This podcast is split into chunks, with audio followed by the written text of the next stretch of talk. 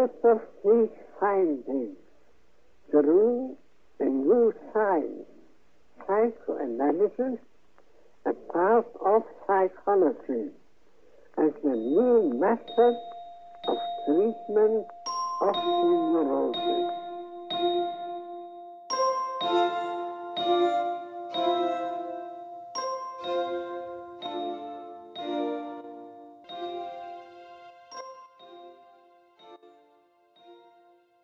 Herkese iyi akşamlar. Hepiniz hoş geldiniz tekrardan. Bugün 29 Aralık e, 2021 yani e, 2021'in son oturumundayız. Bu psikanalize giriş derslerinde. Bu derste e, libidonun gelişimi ve cinsel örgütlenmeleri konuşmaya devam edeceğiz. Zaten başlamıştık birazcık konuşmaya. E, aslında Şahin'in yaptığından biraz daha farklı olarak yani alışkın olduğunuz ve Şahin'in yaptığı açılış, önceki konuşmalar ve onlarla bağlantılandırmasını çok fazla ben yapamayacağım. Çünkü burada okunan şekilden biraz daha farklı deneyimliyorum bu okumayı. Ve belki hani biraz ondan bahsederek bir göz daha eklemek, belki bir perspektif daha ekleyerek açmak istedim aslında bu okumayı. Freud'u okumak e, burada deneyimlediğim kadarıyla biraz daha m, teorik bir yerden bakılıyor. M, kendi teorisinin içerisinde neler nereye gidiyor, nasıl anlam buluyor. Bunun üzerinden biraz aslında çok güzel devam eden bir okuma var. Buna ek olarak belki biraz daha m, çatışmaya çalıştığım, biraz daha sorular sorarak, belki eleştirerek Freud'u böyle bir challenge etmeye çalıştığım bir şey. Belki hissetmiş olabilirsiniz. Bunu hep yapmaya devam edeceğim. Çünkü bir yandan da Freud ne kadar teorik bir şey yazsa da çok insana dair bir şey yazıyor. Öyle olduğu için her zaman e, şeyi göz önünde bulundurarak okumaya devam ediyorum. Bize uyum, uyuyor mu, uymuyor mu? İnsanı ne kadar karşılıyor? Sizin aklınıza ne kadar yatıyor ve yatmıyor? Ve şunu da bir göz önünde bulundurduğum diğer bir etmen de Freud'u kendi devrinde okumuyoruz. Şu an bulunduğumuz yerden aslında geriye dönerek bakıyoruz ve onu anlamaya çalışıyoruz. Fakat şu anda bulunduğumuz konumu da inkar edemeyiz. O yüzden aslında şairin yaptığı şey bana çok ım, ve belki sizin burada okuyarak yapmaya çalıştığınız şey bana çok şey mükemmel bir işmiş gibi geliyor. Çünkü onun oradaki haliyle Freud'u anlamaya çalışmakmış gibi geliyor. Bu benim pek başarılı olabildiğim bir şey değil. Ben belki bugün katkılarımı biraz daha günümüzden bakarak neler değişti, nasıl devam etti, neler oldu, biraz daha gelişimsel bir yerden bakıyorum diye düşünüyorum ve biraz daha pratik bir yerden. Freud'un teorisine ek olarak sanki bu belki seans odasında nasıl karşılık buluyor veya bulmuyor ya da nelere uyumlanıyor ya da ben kendim insan olarak belki neler bana iyi geliyor veya gelme üzerinden de biraz deneyimliyorum bu okumayı. Belki e, bu hafta son okumamızda bu senenin biraz daha bunun üzerinden katkıda bulunmaya çalışacağım. E, geçen hafta da aslında biraz daha bu libido çocuksu cinselliğin üzerine biraz daha giriş yapmıştık. E, belki yetişkin cinselliğinden nasıl farklılıkları olduğunu biraz daha anlatmaya başlamıştı Freud bu sapkınlıklar üzerinden. E, en sonda hatta 389. sayfada kalmıştık. Fakat o sayfaya başlamadan önce sanki şeyle birleştirirsek güzel olur gibi geldi bana. 388'in son paragrafından alarak e, devam etmek isterim. Fakat bundan önce geçen haftaya dair sizin aklınızda kalan, çağrışan, aklınıza böyle bir gelen, bir anda gelen bir fikir, buna dair herhangi eklemek istediğiniz bir şey var mı diye de sormak isterim okumaya geçmeden. Ben bir şey söyleyebilirim. Yani senin yaptığın açılış aslında bir yandan benim dikkatimi çeken de bir şeyle örtüşüyor. O yüzden söyleyebilirim. Hı hı. E, tartışırken sürekli somut olana ya da klinik olana çağırıyorsun. Ben öyle duyuyorum ve ım, bu önemli en azından. Yani bunu ben duyduğumu ve hani çalışırken bunun da önemli olduğunu. E, umarım bu şekilde de düşünmeyi sürdürürüz diye ekleyeyim. Hı hı.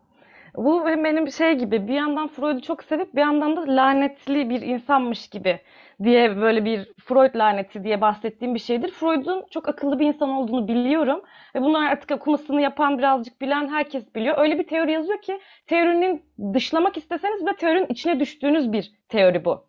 Yani teoriyi eleştirseniz bile dışına çıkamadığınız bir teori olduğu için biraz daha ım, kendi içerisinde aşırı tutarlı bir teori ortaya atıyor. Fakat pratikte belki biraz daha karşısına bir takım şeyler çıktıkça ekleme yapıyor. Öyle olunca biraz daha sanki şey gibi. Hem çok seviyorum fakat pratikte de biraz böyle yokuşu çıkmaya çalışan ama çıkamayan bir kamyon gibi de gözümde canlanıyor. Öyle olunca aslında tam şey gibi. Ya teori ne kadar böyle zihinde bir yere oturursa sanki pratikte birebir aynısıyla karşılaşacakmışız hissi veriyor olabilir. Fakat e, bazı taraflarda işte benim Freud'u eleştirmeye, sorgulamaya ya da burada ne anlatmak istemiş, emin miyiz bunu anladığımızdan diye hani yapmaya çalıştığım şey biraz daha pratikte nasıl karşılık bulacak. Bunun gibi biraz daha bakmaya çalışıyorum. Bu haftada biraz belki katkıda bulunmaya çalışacağım.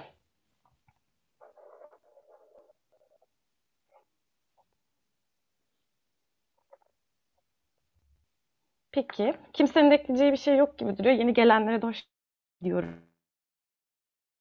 Ee, 388. sayfanın son paragrafından bağlayarak okuyarak devam edeceğim. 388 ve 389'u okuyup üzerine konuşalım istiyorum. İki paragraf çünkü birbiriyle bağlantılı. 3 yaşından itibaren çocuğun cinsel yaşamı erişkininkiyle büyük bir benzerlik gösterir. Bilindiği üzere bu, yetişkin cinselliğinden örgenlerin önceliği altındaki sağlam bir örgütlenmeden yoksun oluşuyla, kaçınılmaz sapma özellikleriyle ve elbette eğilimin tamamının yoğunluğunun daha az oluşuyla farklılık gösterir. Ama teorik açıdan cinsel ya da libidinal gelişmenin en ilginç evreleri bu dönemden öncesinde yatar. Bu gelişmenin akışı öylesine hızlı gerçekleşir ki doğrudan gözlem yoluyla bu dönemin içerdiği şeyleri yakalamayı hiç başaramayabilirdik.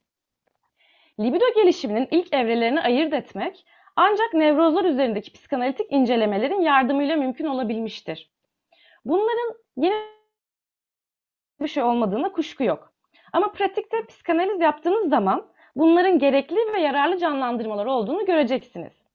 Burada patolojinin normal bir insanda mutlaka gözden kaçıracağınız bağlantıları nasıl gözler önüne serdiğini öğrenmeniz çok sürmeyecektir. Dolayısıyla artık çocuğu örgenliğin önceliği kesinleşmeden önceki cinsel yaşamının aldığı biçimi tanımlayabilirim. Bu cinsel yaşam gizlilik evresinden önceki ilk çocukluk döneminde gelişir ve ergenlikten başlayarak kesin anlamda örgütlenir. Bu ilk dönemde örgensellik öncesi denebilecek bir tür gevşek örgütlenme söz konusudur. Bu evrede önde olan şey örgensel içgüdüler değil, sadistik ve anal bileşenlerdir.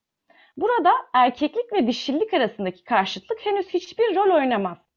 Bunun yerine cinsel kutuplaşmanın öncülü olarak tanımlanabilen ve daha sonra bu kutuplaşmaya bağlanan aktiflik ve pasiflik arasındaki karşıtlık alır. Örgensel evre açısından bak bu evredeki etkinliklerde erkeksi olarak gözüken şeyler kolayca acımasızlığa dönüşebilen bir egemen olma içgüdüsünün dışa vurumudur. Pasif amaçlı eğilimler anal girişin erotojenik bölgesine bağlanır. Bu da bu dönemde çok önemlidir. Bakma ve bilgi edinme içgüdüleri e, tam güç iş başındadır.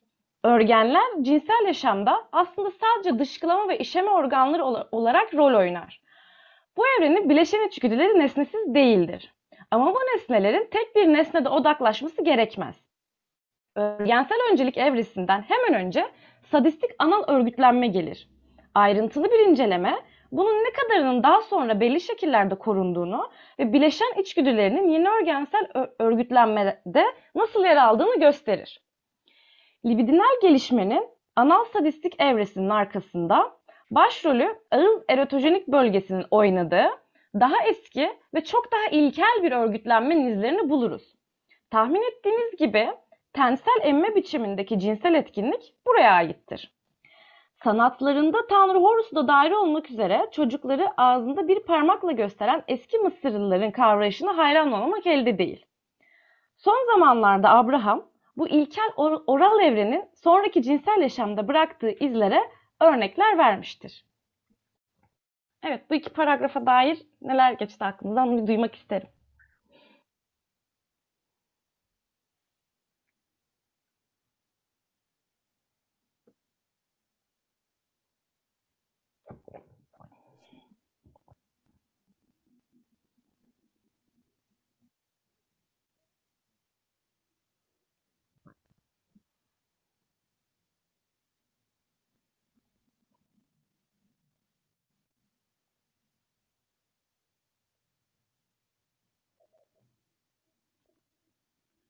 Peki biraz daha devam edebiliriz o halde.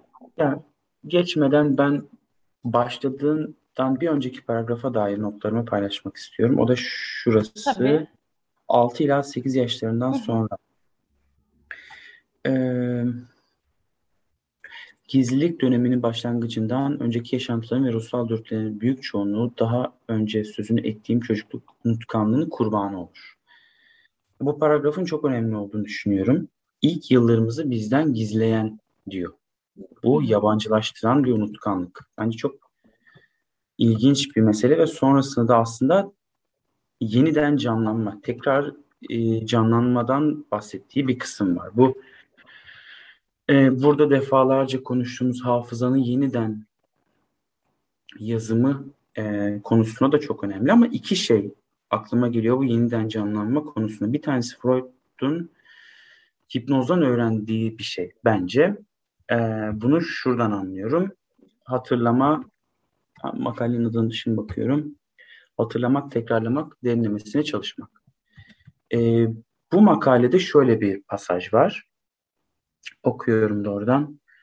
E, psikanalitik tekniğin ilk günlerinden bu yana ne çok ne çok değiştiğini e, kopyalarken sıkıntı olarak neyin çok değiştiğini öğrencilere tekrar tekrar hatırlatmayı önemli buluyorum.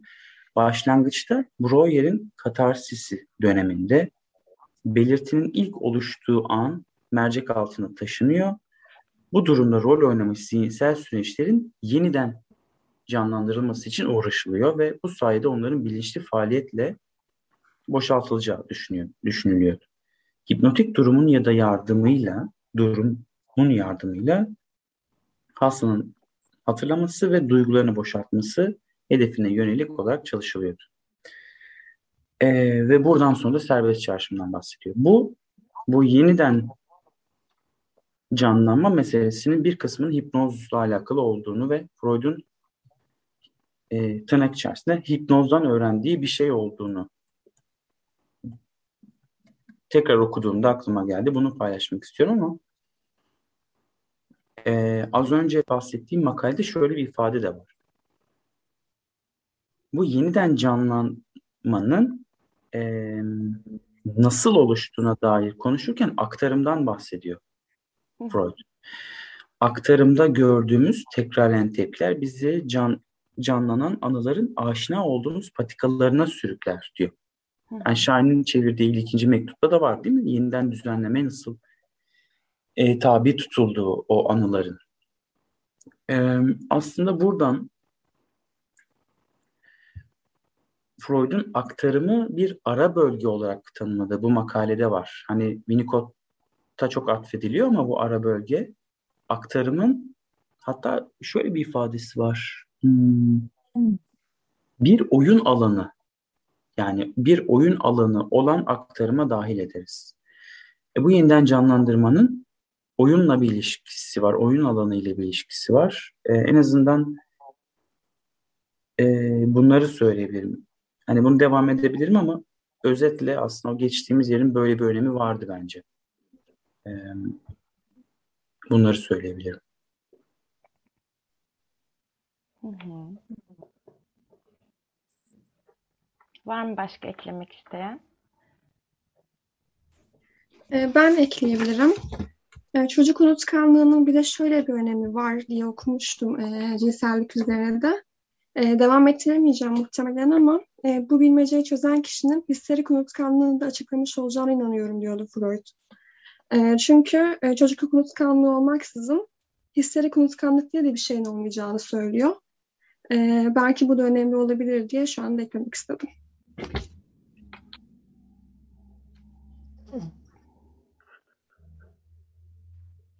Bir de bu unutkanlık meselesini aslında öncesinde konuşmuştuk önceki haftalarda. E ben İskender Hoca'ya referans vererek şöyle demiştim. E, çocukluk anılarının canlı olmasının babanın ım, konumu, ne zaman ilişkiye dahil olmasıyla çok önemli bir ım, ilişkisi olabilir. Yani ben seminerden duyduğum kadarıyla aktarmıştım. Yani babanın o anneyle olan e, intim ilişkiye dahil olması geç olduğunda o anıların daha canlı canlı, daha böyle hmm. e, dışarıda diyeyim, daha sesli e, olabildiğini söz etmişti seminerde. Bu da unutmaya dair önemli bir şey bence. Bu ses şey gibi bir ses. Söyler misin? pato... Çok pardon. Bir daha söyler misin ben kaçırdım. Yani doğru aktardığımdan emin gibiyim. Şu şöyle bir şeyden bahsetmişti İskender Hoca seminerde. Diyelim bir anamnez alıyorsunuz. Örnek vereyim. Hani vardır ya anamneze sorular çocukluk anısı ya da ilk bunu yaşanan ilk an ya da böyle bir anamnez formunu hiç görmedim ama örnek veriyorum. O anının ne kadar hani ilk kaç yaşına kadar bir insan anısını hatırlayabiliyor? Bunun aslında o anneyle olan intim ilişkiye babanın ne zaman dahil olduğuyla bir ilişkisi olduğunu söylemişti.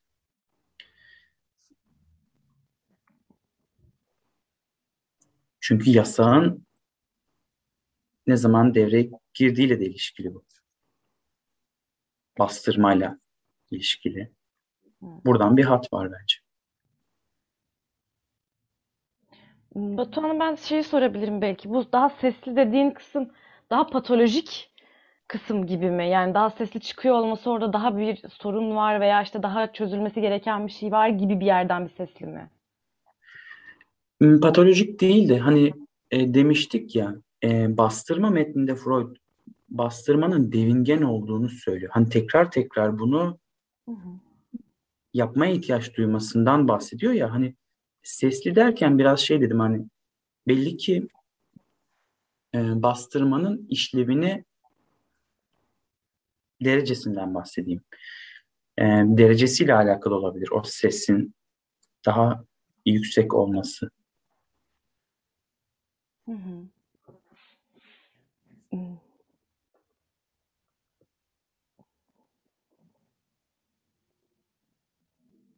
Var mı başka eklemek isteyen bir şey? Ben burada okuduğumuz kısımlarla ilgili şunu eklemek istiyorum aslında. Ee, yani nesnesinin değiştiği ama amacının değişmediği kısmı bana yine bu e, dürtüler ve kaderlerini düşündürdü. Bu e, sadizm ve e, mazoşizm üzerinden ve aynı zamanda bu bir çocuk de, e, dövülüyor metninde de şöyle bir yer geçiyordu. Şimdi bastırmadan ve suçluluktan tekrardan konuştuğumuzdan dolayı e, ve unutkanlık. E, bunlar yine bana o metni aslında düşündürdü. E, orada çok küçük bir yer var. Orayı okumak isterim. E, çünkü bu okuduğumuz son 3-4 paragrafla da ilgili olduğunu düşünüyorum. E, sadizmin mazoşizme dönüşümü bastırmada rol oynayan suçluluk duygusunun etkisiyle oluyor gibidir. Burada bastırma üç yoldan etkili olmaktadır. Bastırma örgensel örgütlenmenin sonuçlarını bilinç dışına iter. Örgütlenmenin kendisini eski sadistik anal evreye gerilemeye zorlar ve bu evrenin sadizmini bir anlamda yine narsistik olan pasif bir mazoşizme dönüştürür. Bu üç etkiden ikincisi bu olaylarda öngörülmesi gereken zayıf örgensel örgütlenmeyle mümkün olur. Üçüncüsünün gerekli oluşunun nedeni suçluluk duygusunun örgensel olarak algılanan ensest yönelimli nesne seçimine olduğu kadar sadizme de karşı çıkmasıdır. E, çünkü bu sanırım bir, birkaç bölüm önceydi biz tekrar bunu okurken e, bu tortularla ilgili geçen kısımda öyle bir paragraf sonra sanırım. Yani unutkanlık ve bu e, bastırmadaki e, suçluluk duygusu üzerinden ben bunları düşündüm. E, o yüzden eklemek istedim. Önemli olabilir çünkü bir arada bunları okumak. Teşekkür ederiz. Hmm, Elif'in söyledikleri üzerine bir de bu unutma, hatırlama şey üzerine şöyle bir şey de duyuyorum bir yandan. Çok belki bu hatırlama ilk arzulanan nesne daha es- ensest bir yerden olduğu için belki de hatırlama direkt e, arzu nesnesini kendisiyle olamıyor da hazzı sadece belki hatırlamaya yönelik bir şey olabilir. Çünkü nesne değişmek zorunda kalıyor. Tam da bastırma dediğimiz şey biraz kendini farklı şekilde ifade etmesi gereken bir şey. Aktarımda karşıya çıkıyor yani karşımıza çıkıyor olması da benzer. Danışan zaten ne, ne yaptığını bilerek değil hani onu daha eylemsel bir yerde yaparken buluyor. Büyük ihtimalle o hazzı e, deneyimliyor oluyor. Fakat işte o zihinsel hatırlama belki o ilk arzu çocukluk cinselliğindeki o arzu ilk nesnesine dair bir ha- hatırı yok büyük ihtimalle. Sanırım bastırma ve unutma ve tekrar hatırlama böyle bir yerden gibi de duyuluyor sanırım.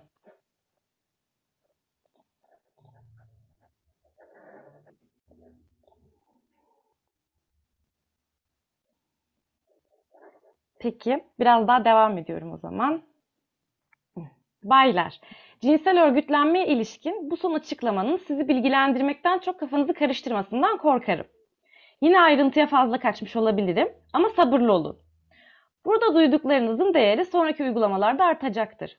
Şimdilik cinsel yaşamın ya da libidinal işlevin hazır bir şey gibi ortaya çıkmadığını, hatta gelişmediğini, ancak birbirine benzemeyen bir dizi ardışık evreden geçtiğini, dolayısıyla tırtılın kelebeğe dönüşmesinde olduğu gibi gelişmesinin birkaç kez tekrarlandığını unutmayın yeter. Bu gelişimdeki dönüm noktası bütün bileşen cinsel içgüdülerin, örgenlerin önceliğine tabi olması ve bununla birlikte cinselliğin üreme işlevinin hizmetine verilmesidir. Bundan önceki cinsel yaşam dağınık olarak tanımlanabilir. Çünkü farklı bileşen içgüdüler birbirinden bağımsız olarak organ hazzı arar. Başarısız örgensel öncesi örgütlenme başlangıçları, sadistik anal bir evre ve bundan öncesinde belki de en ilkeli olan oral evre bu anarşiyi hafifletir. Buna ek olarak henüz yeterince bilinmeyen ve bir örgütlenme evresinin yeni ve daha yüksek bir örgütlenmeye yol açtığı çeşitli süreçler vardır. Libidonun böylesine uzun ve birçok kesinti içeren bir gelişme seyrinden geçmesinin nevrozlar üzerinde ne kadar önemli bir ışık tuttuğunu daha sonra öğreneceğiz. Bu paragraf üzerine eklemek istediğiniz var mı yoksa bir paragraf daha okuyayım mı? Ne dersiniz? Yine libidonun nasıl geliştiğine dair önemli bir şeyler söylüyor gibi geldi bana.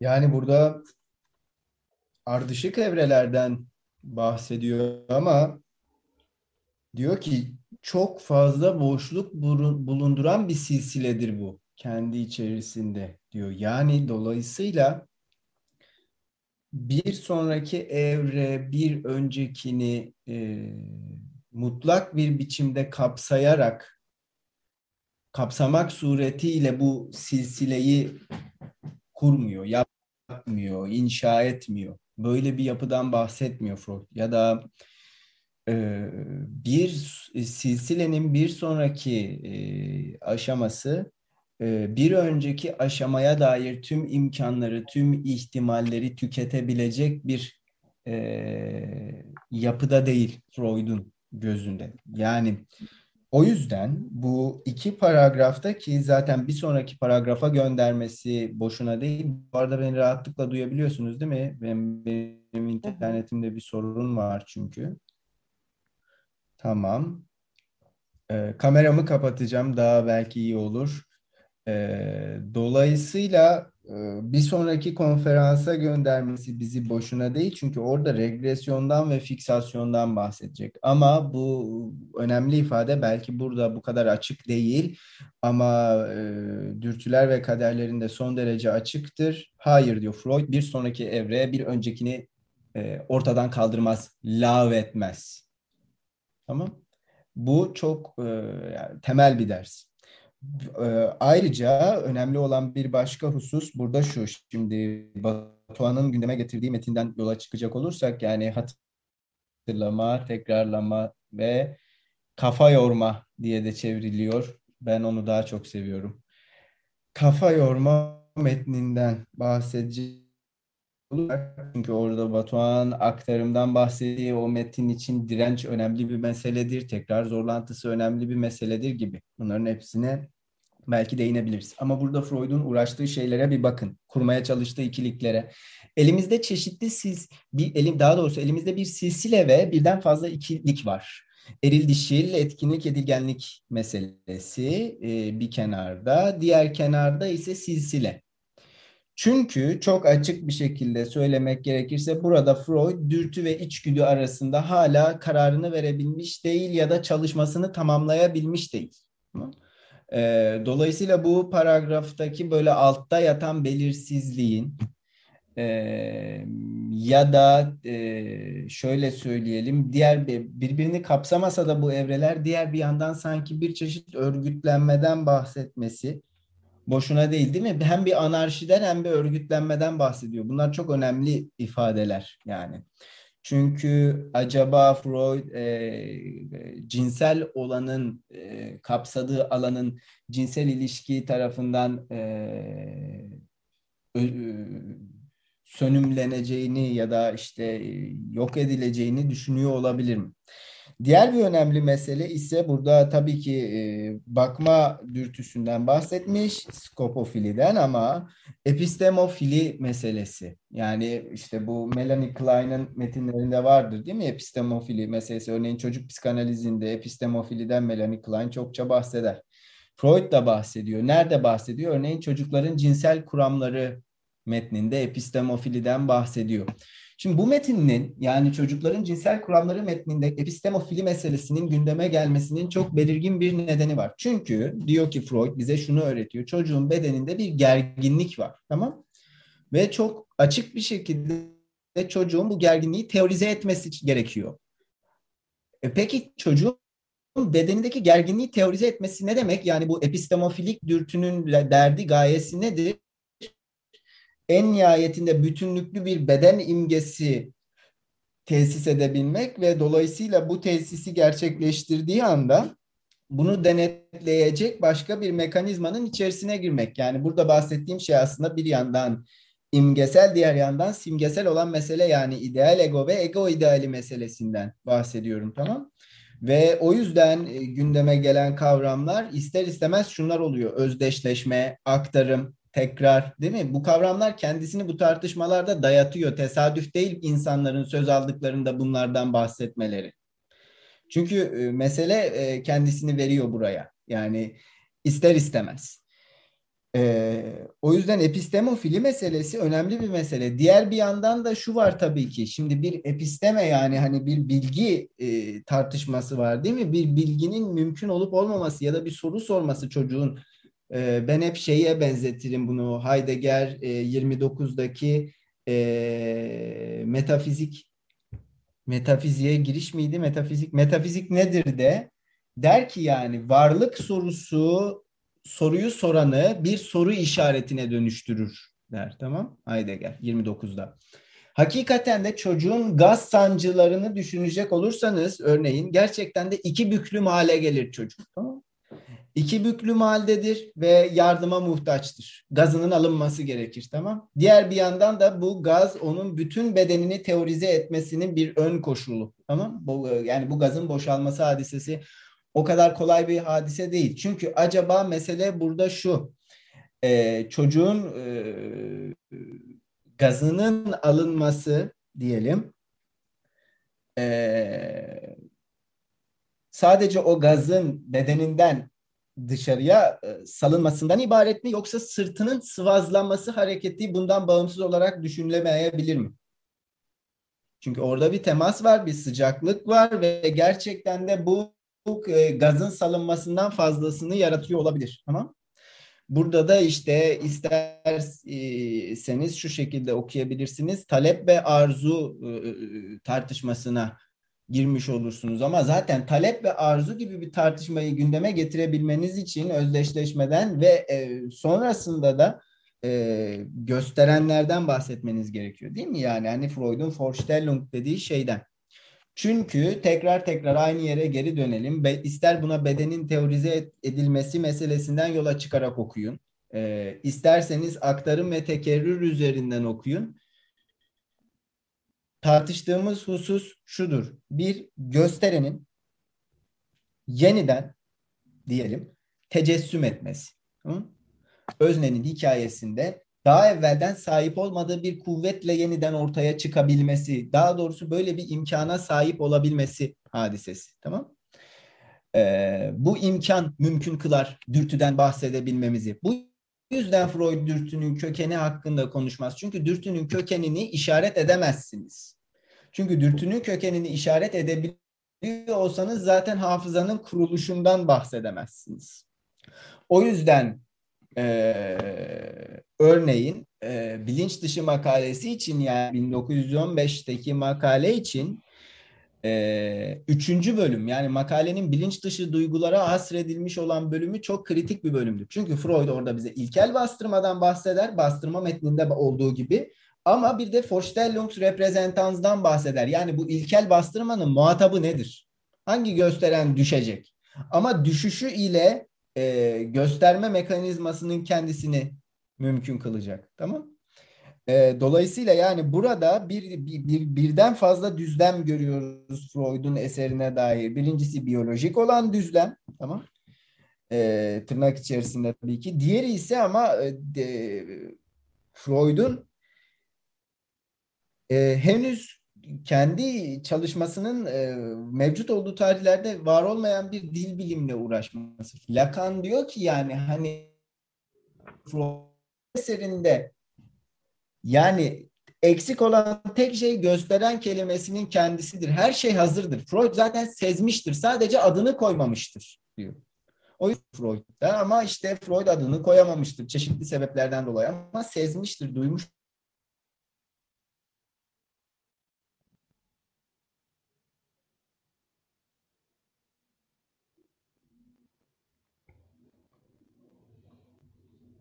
Teşekkür ettik Şahin. Bitti mi? Göremediğimiz için kesilip kesilmediğini anlayamıyoruz. Bence bitmedi kesildi.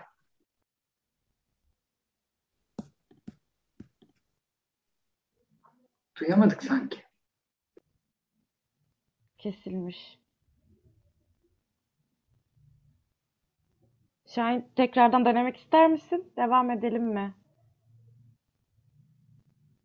Şahin.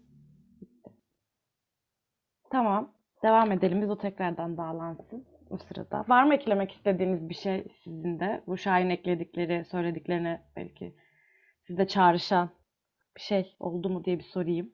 Devam etmeden.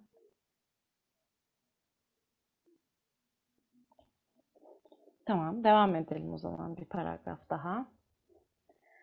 Bugün bu gelişmenin başka bir yanını daha yani bu yanda bileşen cinsel içgüdülerle nesneler arasındaki ilişki bunu ele alacağız. Daha doğrusu bu gelişmeyle aceleyle bir göz attıktan sonra oldukça geç sonuçlarından birisi üzerinde biraz daha fazla duracağız. Cinsel içgüdünün bileşenlerinden bazıları başlangıçtan itibaren bir nesneye sahiptir ve buna bağlı kalır. Örneğin egemen olma içgüdüsüyle yani sadizm, e, skopofilik bakma ve epistopofilik yani bilgi bilme içgüdüleri gibi. Bu az önce Şahin'in de bahsettiği şeyler. Vücudun belli erotojenik bölgeleriyle daha belirgin bir ilişkisi olan diğer bileşenlerin cinsel olmayan işlevlerle ilişkili oldukları sürece sadece başlangıçta bir nesneleri vardır ve bu işlevlerden ayrılınca bu nesneyi de bırakırlar. Örneğin cinsel içgüdünün oral bileşeninin ilk nesnesi bebeğin beslenme ihtiyacını gideren memedir. Emme ile aynı zamanda doyum bulan erotik bileşen ise tensel emme eylemiyle bağımsızlaşır. Dış nesneyi bırakır ve onun yerine kişinin kendi vücudunun bir bölgesini koyar. Yani bu bebekte parmak oluyor. Tıpkı anal ve diğer erotojenik içgüdülerin başlangıçtan sahip olduğu yapı gibi oral içgüdü de otoerotik bir yapı kazanır. Olabildiğince özetlemek gerekirse ileri gelişimin iki hedefi vardır. İlk önce otoerotizmden vazgeçilmesi ve kişinin kendi bedeninin yerine tekrar dış bir nesnenin konulması ve ikincisi ayrı içgüdülerin farklı nesnelerinin bütünleşmesi ve yerlerine tek bir nesnenin konulması. Bunun da ancak nesnenin kişinin kendi vücuduna benzer bütün bir vücudu olmasıyla gerçekleşebileceği açıktır. Bu bir dizi otoerotik içgüdüsel dürtü geride bırakılmadığı sürece de gerçekleşmez. Bu paragrafa dair söylemek istedikleriniz var mı? Onu da bir duymak isterim.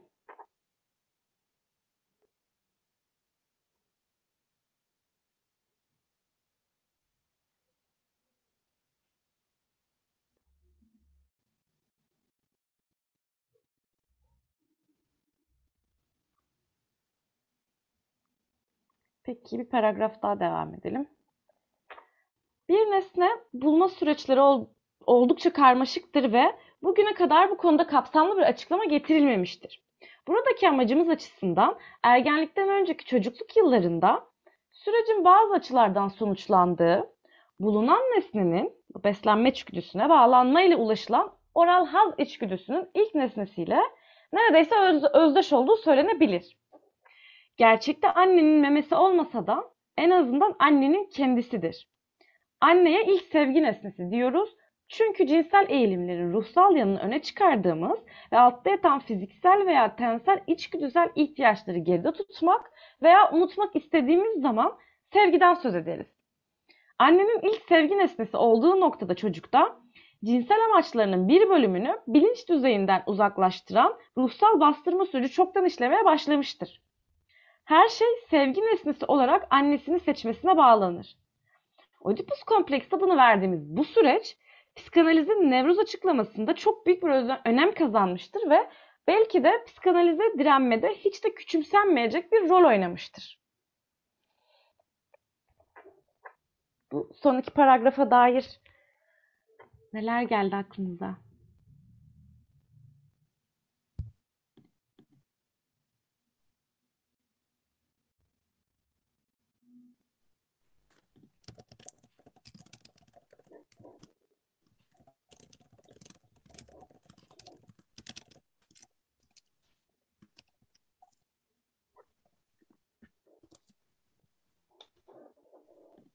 Hoş geldin Şahin tekrardan bu arada.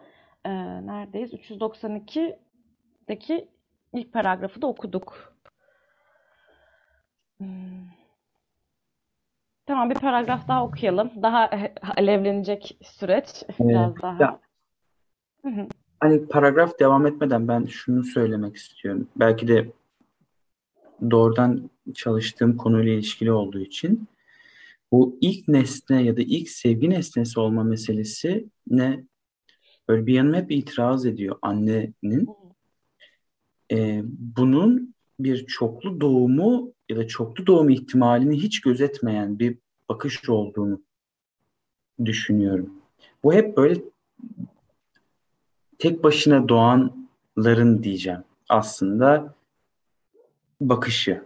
Ee, bu mesela Dorothy Burlingham'ın makalesinde özellikle bu, bu buna buna bakılıyor. Yani e, ikiz kardeşin ya da üçüzün e, anneyle annenin konumunda nasıl söyleyeyim anneye göre konumu.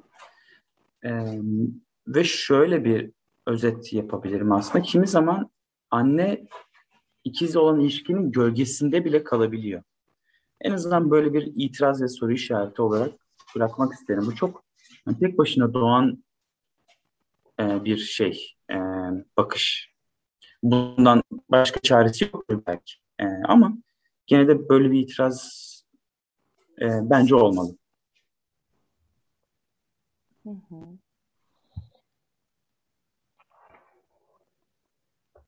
Var mı başka eklemek isteyen bir şey?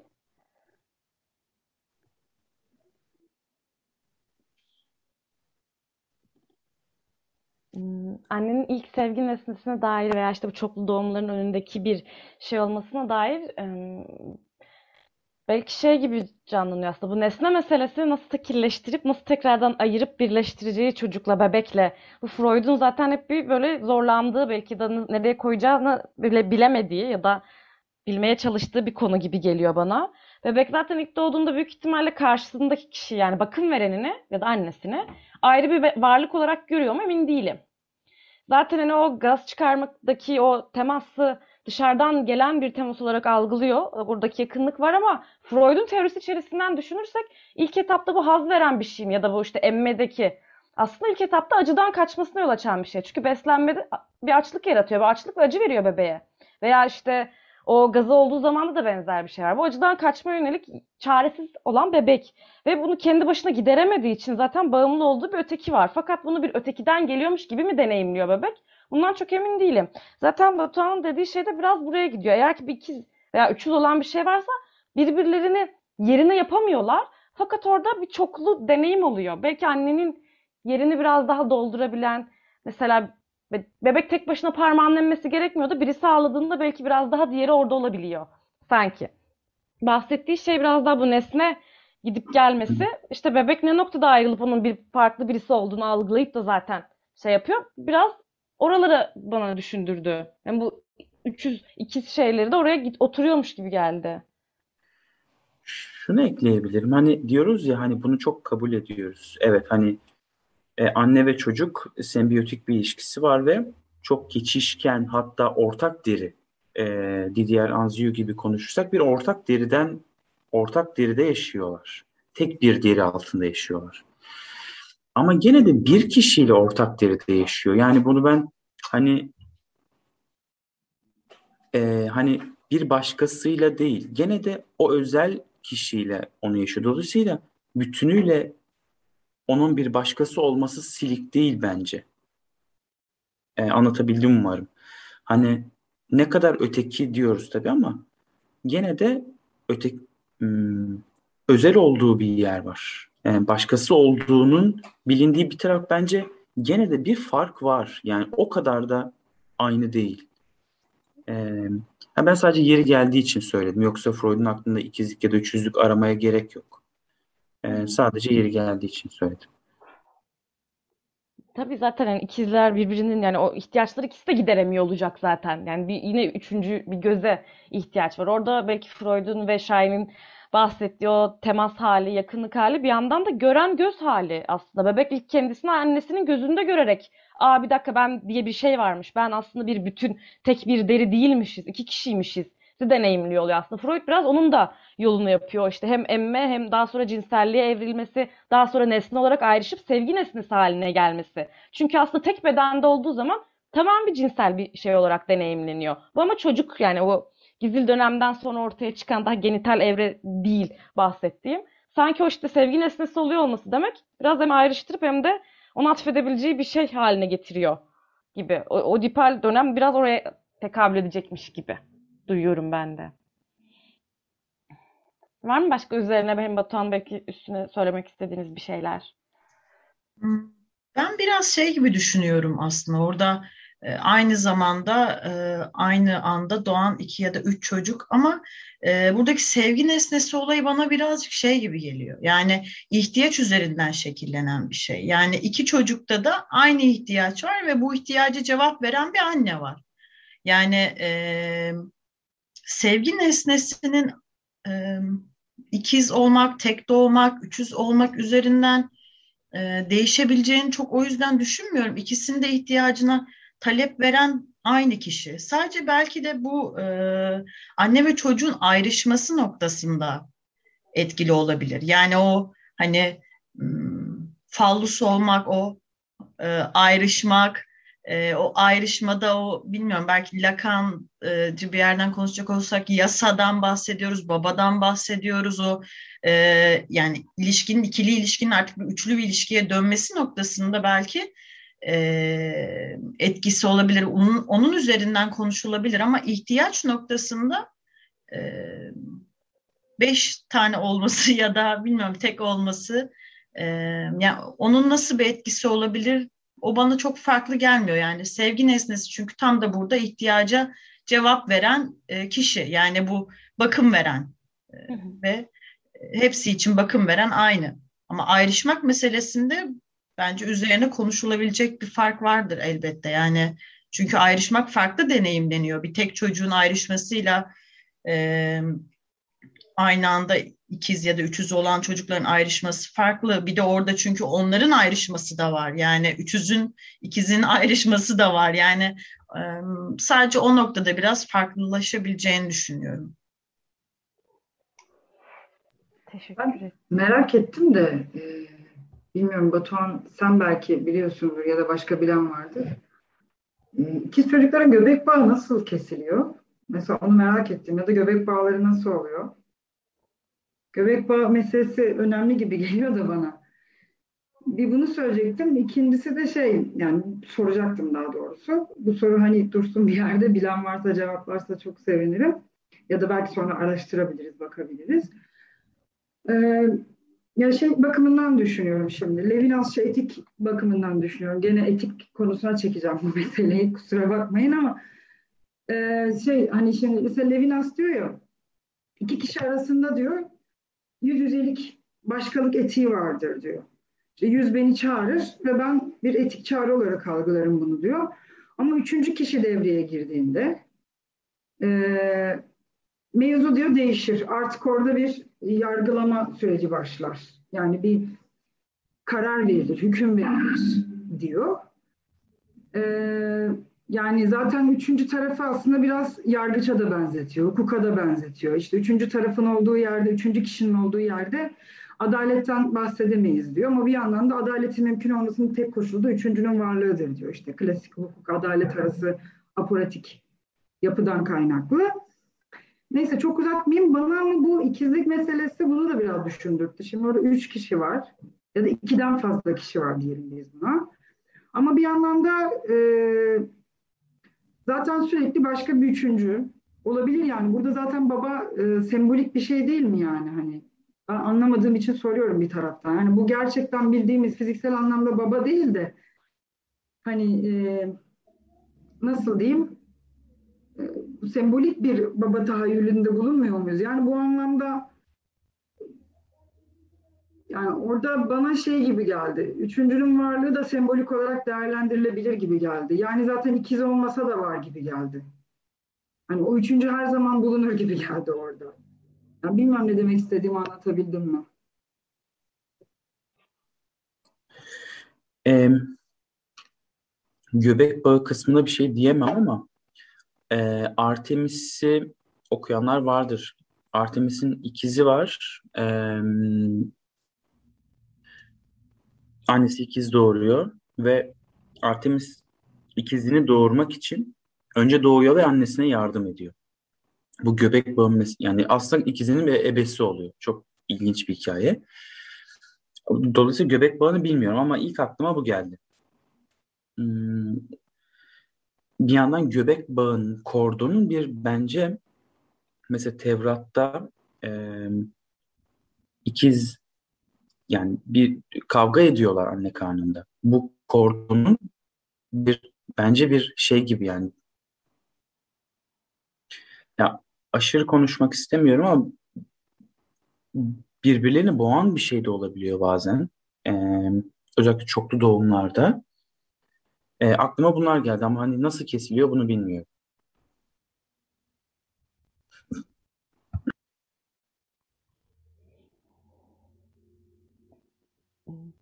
Belki bu sembolik üçüncü veya sembolik baba yasaya dair evet sembolik düşünebileceğimiz gibi ama somut düşünmek de çok şey yapıyor. Ben de belki birazcık onu ekleyip belki şey yapabilirim. Açıklama getirmeye çalışabilirim. Sembolik olarak babanın varlığı e, bir alan açıyor aslında orada çocuğa. Bu yasayı koyarak da olabilir. Hani e, varlığı ya bir yasa söylemesine gerek olmayan bir yasa da olabilir bu. Yani şey gibi iki kişi olduğu zaman arada bir yani iki boyutlu bir şey oluyor. Ama bir üçüncü olduğu zaman bir üçgen haline gelmiş oluyor ve çocuk bebek hareket edebilir oluyor. Yani tek bakım verenine bağlı kalmaktan çok bir ötekine de bir üçüncüye de hareket alanı kazanıyor. Aslında biz de biraz bunları konuşarak sanki aynı Freud'un anlattığı düzlemde o ilkel yerden işte oral anal dönemden şimdi ödipal döneme, döneme gelecek o ödipus kompleksine doğru. Tam da bizim de yapmaya çalıştığımız şey burada bir üçüncüye ihtiyaç var. O üçüncü nasıl olacak? Sanki biz de bunu bir eksikliğini yaşıyoruz. O yüzden bence bir paragraf daha okuyalım diyorum. Ben oraya geçmeden bir şey ekleyebilirim. Tabii. Ben evet. bir şey söyleyebilir miyim İlker abi? Hemen çok kısaca. Çok teşekkür ederim. Aklımdaydı az önce söyleyemedim. Burada sahnedeki romanstaki tarafların gerçekliği ya da işte e, herhangi bir pozisyon işgal edişleri üzerinden varlıkları tartışılıyor ama ben sadece şunu söylemek isterim. Zaten e, e Freud'da arzuya ilişkin problem tam olarak budur. Hangi noktada gerçek, hangi noktada bir pozisyon işgal ettiklerini söyleyeceksiniz.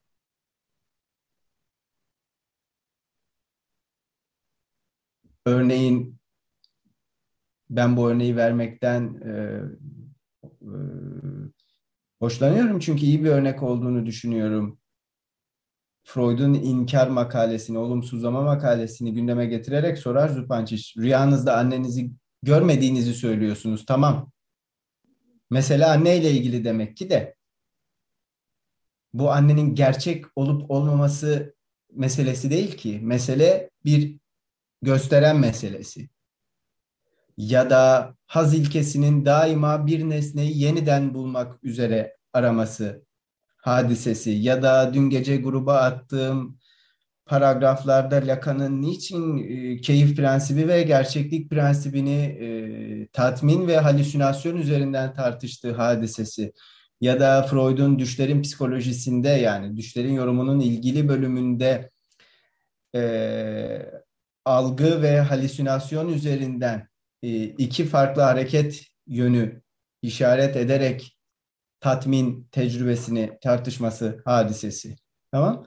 Çünkü Freud için en nihayetinde düşlerin yorumunda dikkat edecek olursanız mesele sadece e, bir gösterenin yeniden bulunması hadisesidir. Gerçekliği bu boyuttan ayrı bir boyut olarak tartışamazsınız. Dolayısıyla evet baba en nihayetinde sembolik bir pozisyon işgal ediyor diyebilirsiniz ama en nihayetinde sembolik bir pozisyon işgal etmeyen kimden bahsedeceksiniz ki? Yani e, sadece şunu söylemek istiyorum. Meseleyi çeşitli noktalarda somut, çeşitli noktalarda teorik olarak ele alırken diğer bir yandan Freud'da gerçeklik denen şeyin hep tırnak içerisinde olduğunun ayırdığında bulunabilmek gerekiyor. Çünkü hafızanın yeniden inşa edilebilmesinin yegane koşuludur bu. Gerçeklik göstergelerini sunan yapı. Tamam. Ee, sadece şunu söyleyerek bitireyim. Ee, dün gece gruba da atmıştım. Ee, Freud tatmin için diyor ki bize psişenin belirli bir miktarda enerjiyi muhafaza edebilmesi gerekir ve teknik olarak bu onun en temel prensibine aykırıdır. Çünkü hiçbir enerjiyi muhafaza etmek istemez, boşaltmak ister, huzursuz olur. Yani tırnak içerisinde söylüyorum, kendi tabiatına aykırı olan en temel şey yani enerjiyi muhafaza etmek tam olarak belleği kuran şeyin kendisidir. Dolayısıyla psişeden bahsedebilmeniz için bir e, varlık için, insan varlığı için psişeden bahsedebilmenizin yegane koşulu bu enerjinin muhafaza edilebilmesi dolayısıyla belleğin inşa edilmesidir. Bundan evvel bir insan yoktur görünürde Freud'da. İnsan buradan başlar bu enerjinin muhafaza edilmesi hadisesinden. Ve dolayısıyla psişe buradan başlar. Çünkü Freud'un e, işaret ettiği biçimde geçirimsiz olan e, nöronlar topluluğu e, tam olarak bu sayede psişik faaliyetleri birinci süreci e, ve ikinci süreci diyelim hadi e, mümkün kılarlar. Tam olarak bu şekilde bir hareket kabiliyeti kazanırlar. Dolayısıyla az önce sözüm kesildi ama e, meseleyi ben hala aynı yerden okumak gerektiğini düşünüyorum. Ama e, sahneye bir ikizin girmesi meselesinin e, 3, 4, 5 çocuk olduğunda durum değiş ne, ne, ne ölçüde değişirdi şeklinde ele alınmasının da riskli olduğu e, kanaatindeyim. Çünkü bu herhangi bir kardeşlikle herhangi herhangi bir kardeşlikle ikizliği aynı kefeye koymak anlamına gelirdi. Bu çok riskli bir ifadeye dönüşebilir.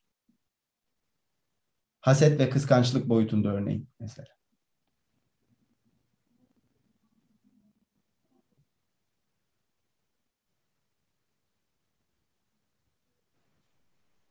Ben Oedipus'a geçmeden önce e, anal ve oral dönemle ilgili böyle kafamda birkaç soru var aslında. E, Freud bizi anladığım kadarıyla Oedipus'a doğru ilerletiyor. Anal ve oral dönemi örgütlenmemiş bir yapı olduğunu söyleyerek ilerliyor diye anlıyorum. Burada olan o organ bağlantılarının e, fantazmını artık Oedipus'tan geriye doğru kuruyoruz gibi düşünüyorum. O, Oedipus'tan geriye doğru kurduğumuz her bağlantı sanki Oedipus temelli yani fallus merkezci bir fantazma dönüşme tehlikesi taşıyor gibi. Ama diğer yandan anal dönemin ve oral dönemin kendine ait fantazm, fantazmları e, daha çok yönlü ve daha e, akışkan, nesnesi değişebilen bir e, bağlamdan bakıyor. Şimdi biz burada bütün e, libidoyu, o akışkan libidoyu fallusa yönlendirdiğimizde ya da Oedipus'ta sıkıştırıp genital bölgeye indirgediğimizde artık buradan geriye doğru baktığımızda elde ettiğimiz şey sanki fallus merkezci bakışla anal dönemi ve oral dönemi yorumlamak gibi oluyor. Ve sonrasında tekrar oraya baktığımızda bir derilik anı gibi veya e, yani sistemli düşünce kurulamayan bir alanmış gibi düşünebiliyoruz. Aslında yine o e, şurada dediği şey ama bu nesnenin tek bir nesnede odaklaşması gerekmez. Dediği şey bu odaklaşmamanın yaratıcılığını ortaya serimliyor gibi bir yandan da. Dünyaya ya da, ya da toplumsal düzenden örgütlenen insan bedeni fallusa yerleştirildiği zaman, bilincin oradan kurulmaya başladığı zaman elimizde kalan bu oluyor gibi sanki. Sadece fallus merkezci bakarak.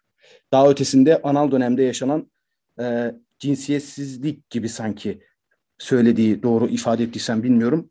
O alandaki e, akışkanlığı fallusla yine üreme merkezi hale getirme şeyi. Elbette üreme merkezi hale gelecek ama tamamen baskın toplumsal yapının e, baskın fallus merkezci terbiyesini e, o bedene uyguluyor gibi. Gerçi bunu Freud buluyor ama hani bulduğu şey bunu ifade ediyor gibi düşünüyorum sanki. Hı.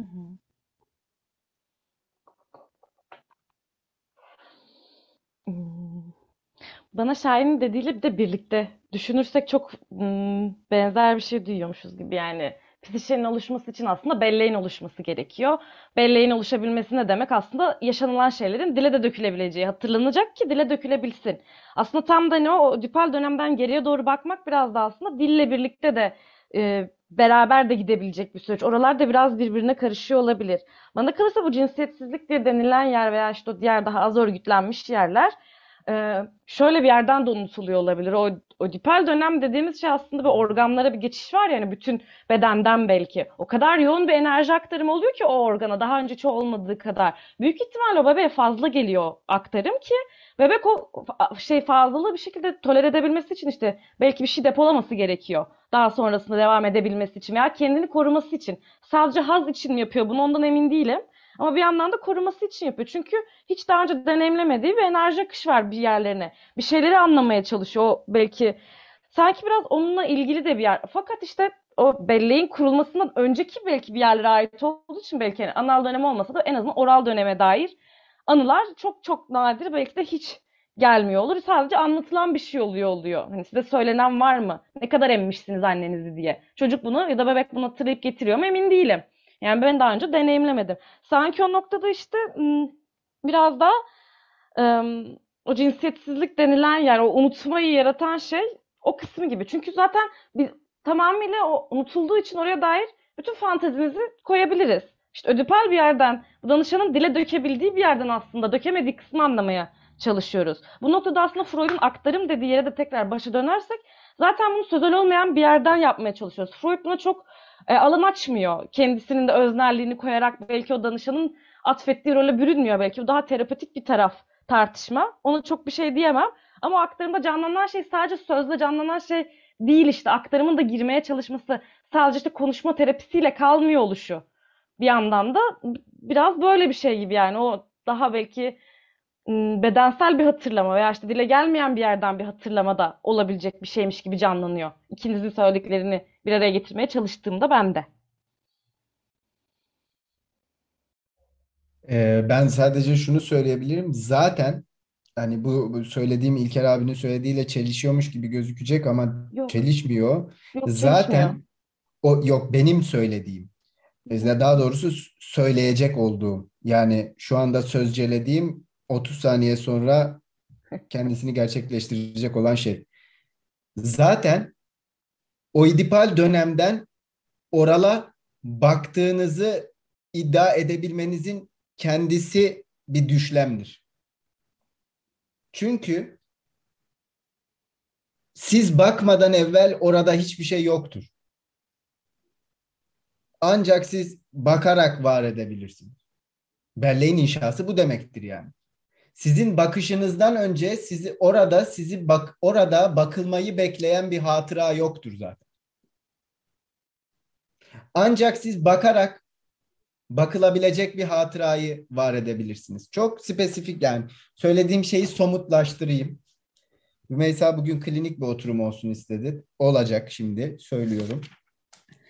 Diyor ki Freud e, histerinin etiyolojisinde e, şeymiş bu. Ben böyle not almışım. Esas metinde bilmiyorum da bizim dergimizdeki çeviride 12. sayfa yani çevirinin 12. sayfasında diyor ki Freud sakın herhangi bir tecrübenin e, tırnak içerisinde söylüyorum kendiliğinden e, etiyolojik bir öneme sahip olduğunu zannetmek gafletine düşmeyin. Yani elbette ki yorumlayarak söylüyorum.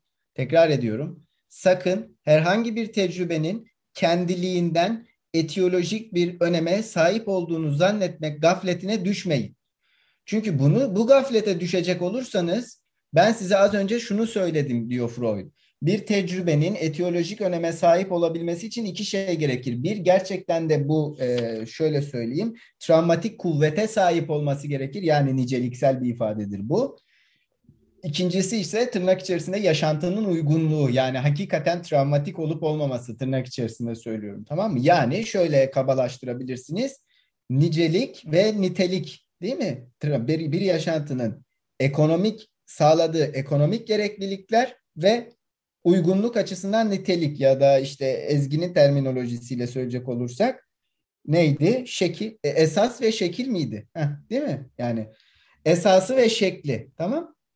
Şimdi Freud diyor ki hiçbir tecrübe siz birinci süreçteki mantıksal ve çağrışımsal ilişkileri göz önünde bulundurmadığınız sürece etiyolojik denkleme sokuşturulamaz. Yalnızca ve yalnızca bir tecrübe mantıksal ve çağrışımsal ilişkiler kurulduğu müddetçe etiyolojik bir öneme sahiptir diyor Freud. Hı hı. Zaten bu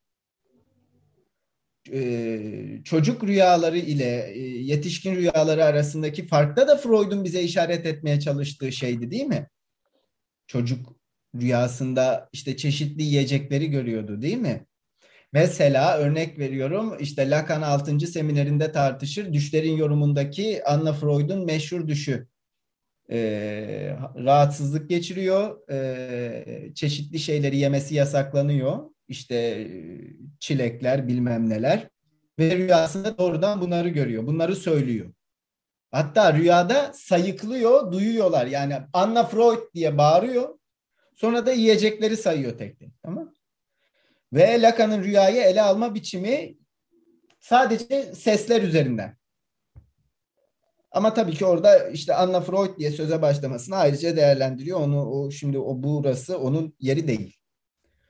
Ama en nihayetinde bu sabit. Yani e, genital dönemin e, bütünlüklü bir dönem olduğu ve sonrasında geriye bakıldığında yani önceki cinsel yatırımlara bakıldığında bir çokluk ya da dağınıklık görüldüğü zanlının kendisi zaten fallogosantriktir. Çünkü bugün yani bugün bugün fallüsün e, bugünün yatırımlarını mutlak olarak e, kati suretle e, kesinlikle denetleyebildiği ya da e, kapsayabildiği ya da e, içerebildiği gibi bir e, zanna yol açar bu. Tamam?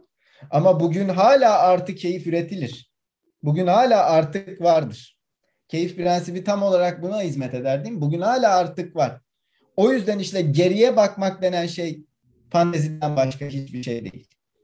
O yüzden mesela Lacan ee, o bilinç dışından bahsederken olmuş olacak olan diye bahsediyor ya da sözce ve sözceleme diye bir tartışma ortaya atıyor değil mi? Hani dillendiren özneyle beyan kendisini gerçekleştirecek olan beyan. Will have been değil mi? Olacak olan. Lacan şu örneği verir işte. Ben e, şu şu şu zamanda bu kadınla evlenmiş olacağım. Beyan işaret edilen zamanda evlilik hali. İki tane ben var yani cümlede. Ama bir de sözceleyen var bunu. Tamam Dolayısıyla zaten kurulmadan önce yok bu. O yüzden size bir çocuk dövülüyor metniyle ilgili bir makalesini göndermiştim e, Eric Laurent hafta içerisinde. E, düşlem denen şeyi aile romansından itibaren okuduğu bir makaleydi bu ve yine Anna Freud'la ilgili meseleler vardı dövülme düşlemlerinde e, diyeyim şimdilik ama hani e, umarım anlaşılırdır. O yüzden Freud mesela diyor ki yani bu ikinci evresi düşlemlerin yok. Biz inşa ediyoruz, biz var ediyoruz analizde. Biz konuşana kadar böyle bir düşlem yok diyor Freud. Hafızaya sığmıyor diyor. Hafızayı, hafızanın içeriye alamadığı bir şeyden bahsediyor. Ama diğer bir yandan deneniyor değil mi? Etrafında bir şey örülüyor gibi söylemiş olayım şimdilik. İşte aynı zamanda beni de desteklemiş oluyorsun. Teşekkür ediyorum. Çünkü hafızada yeri olamayan bir şeyin terapide de yeri yokmuş gibi bir şey oluyor. Yani aslında insan deneyiminde de yeri yokmuş demiş oluyor Freud. Bu etiyolojik öneme sahip olması, fantezine atfetmesi aslında tamamen kişinin kendi öyküsünü kurabilmesinden bahsediyor.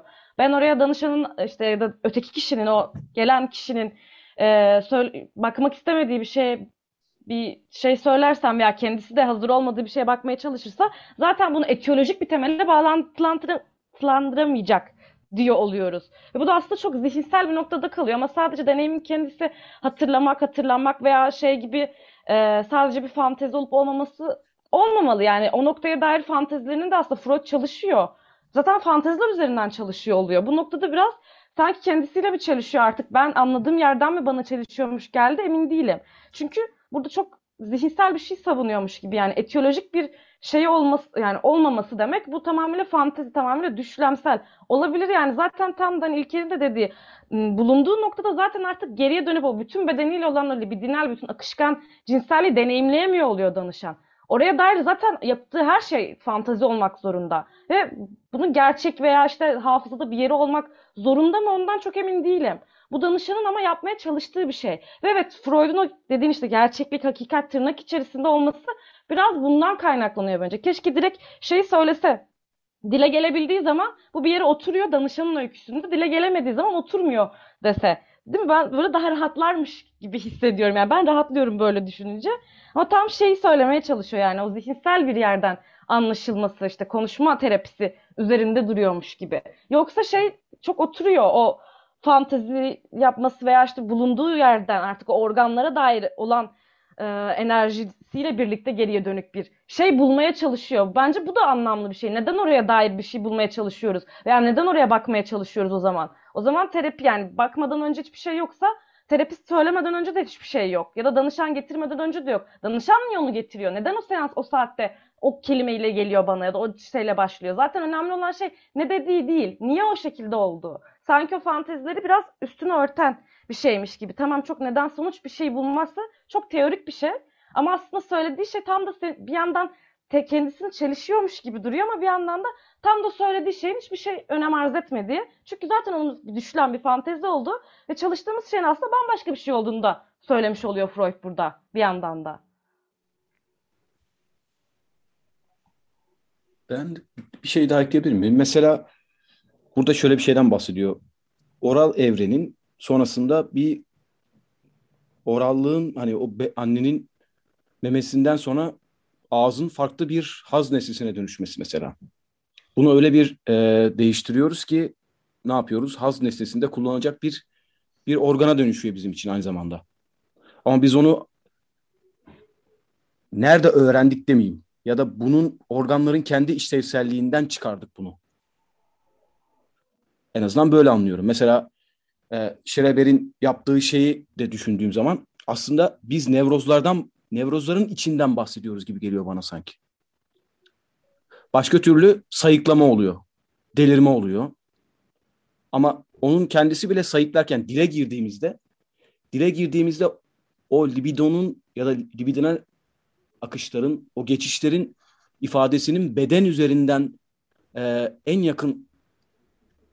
yakından hissedilerek dile dökülmesiyle farklı bir şey ifade ediliyorken ama nevrozun aklın diyorum ya da ben buna evrensel aklın dilinden ifade etmek arasındaki farktan bahsetmeye çalışıyorum biraz daha.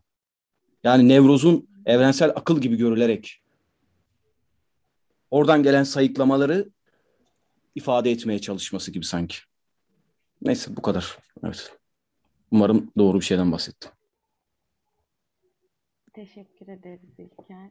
Ezgi bir şey söylemiş hatta sana soracaktım. Buyur. Şey, uzun bir yer o. Ben sonradan zaten gruba da atarım. Yiyecek'in Şiddet kitabını tekrardan bakıyordum da ben bu birkaç gündür. Ee, orada e, Şauman'ın yani bilmiyorum adını doğru mu okuyorum da bestecinin e, Homeresk onu da doğru mu okuyorum bilmiyorum. Şarkısıyla o şarkıyı da dinliyorum iki gündür bu arada. Şarkının arasında verilen esle tam da bir çocuk dövülüyordu ki ikinci sahneyi şey yapmış, birleştirmiş. Hatta ben onu dinlerken e, bu Cicek'in bu metnini okurken yani o kısımları e, direkt Elif'in müzikteki boşluktan bahsetmesi meselesi de gelmişti aklıma. Uzun bir es var, ondan sonra üçüncü bölüme geçiliyor falan ama aradaki o şey yok. Ve hatta Cicek şey diyor, ancak mahir bir müzisyen burada boşluk vermesi gerektiğini anlayıp bunu çalmaması gerektiğini anlar diyor. Ee, yani oradan da böyle başka yerlere bağlamış tabii işte hani güncel şiddet bahsine bağlamış. Ben hani şimdi uzun bir kısmına atabildim. Ki attığım kısım bile çok uzun. Hani okuyup da sıkmak da istemem kimseyi. Ama şey yaparım, e, atölye grubuna atarım o birkaç sayfayı. Bayağı yani Şahin dediği şeyler ve senin söylediğin şeyler Rümeysa, hani o analiz seansında söylenmeyen şey aslında. Ya da bazen söylenmezken söylenen, söylenirken söylenmeyen şey.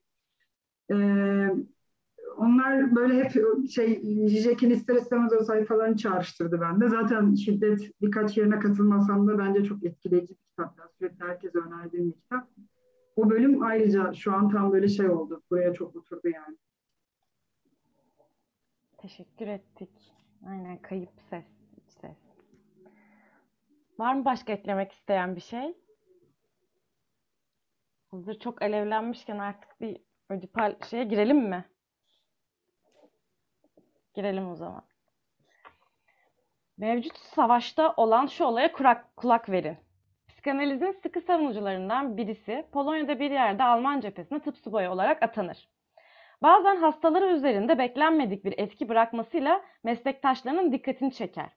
Sorulduğu zaman psikanalitik yöntemler uyguladığını ve bilgisini meslek, meslektaşlarına aktarmaya hazır olduğunu söyler. Ondan sonraki her akşam birliklerin hekim subayları, meslektaşları ve üstleri analizin gizli doktrinlerini öğrenmek için bir araya gelir. İşler bir süre yolunda gider ama dinleyicilerine Oedipus kompleksinden üstlerinden birisi ayağa kalkar. Buna inanmadığını, ülkeler için çalışan dürüst insanlara, aile babalarına böyle şeyler anlatmanın alçakça bir davranış olduğunu söyler ve dersleri yasaklar. Konu böylece noktalanır. Analist kendini başka bir cepheye tayin ettirir. Almanya'nın bilimin bu şekilde örgütlenmesini gerektirmesi ve Alman bilim çevrelerinin bu tür bir örgütlenmeye gereğince tepki vermemesi bence kötü bir şey. Bu korkunç neler içerdiğini duymak için sabırsızlanıyor olmalısınız. Adı zaten söylüyor. Kaderinde babasını öldürüp annesini kendine karı yapmak yazılı olan, kahinin kehanetinden kaçmak için mümkün olan her şeyi yapan ama sonunda bilmeden de olsa bu suçların ikisini de işlediğini öğrenince gözlerini kör ederek kendi kendini cezalandıran Kral Oedipus mitini hepiniz bilirsiniz. Sofokles'in öyküsü e, ö, öyküyü ele alış tarzındaki sarsıcı etkiyi birçoğunuzun hissetmiş olabileceğini sanıyorum. Atinalı dramatistin çalışması, Oedipus'un çok geride kalan kaderinin her an ortaya çıkan yeni bulgularla beslenerek dahice yaşama yayılan bir soruşturmayla nasıl yavaş yavaş gün ışığına çıkarıldığını gözler önüne serer. Bu açıdan psikanalizin ilerlemesine belli bir benzerlik gösterir. Diyaloğun akışı içinde Jocasta, yani aldatılan anne ve eş, soruşturmanın devam etmesine karşı olduğunu söyler. Birçok insanın rüyasında anneleriyle yattığını gördüğünü ama rüyaların küçümsenmesi gerektiğini söyler. Biz rüyaları Özellikle de birçok insanın gördüğü tipik rüyaları hiç küçümsemiyoruz ve Yokasta'nın sözünü ettiği rüyanın masalın tuhaf ve ürkütücü içeriğiyle yakın bir bağı olduğuna kuşku duymuyoruz.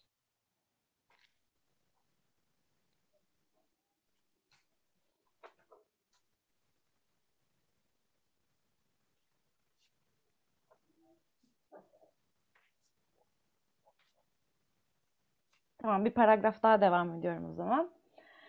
Sofokles'in trajedisinin izleyicilerde basit kafalı askeri doktordakine benzer ama çok daha haklı bir gerekçesi olan düşmanca bir inkara yol açmaması bizi şaşırtır.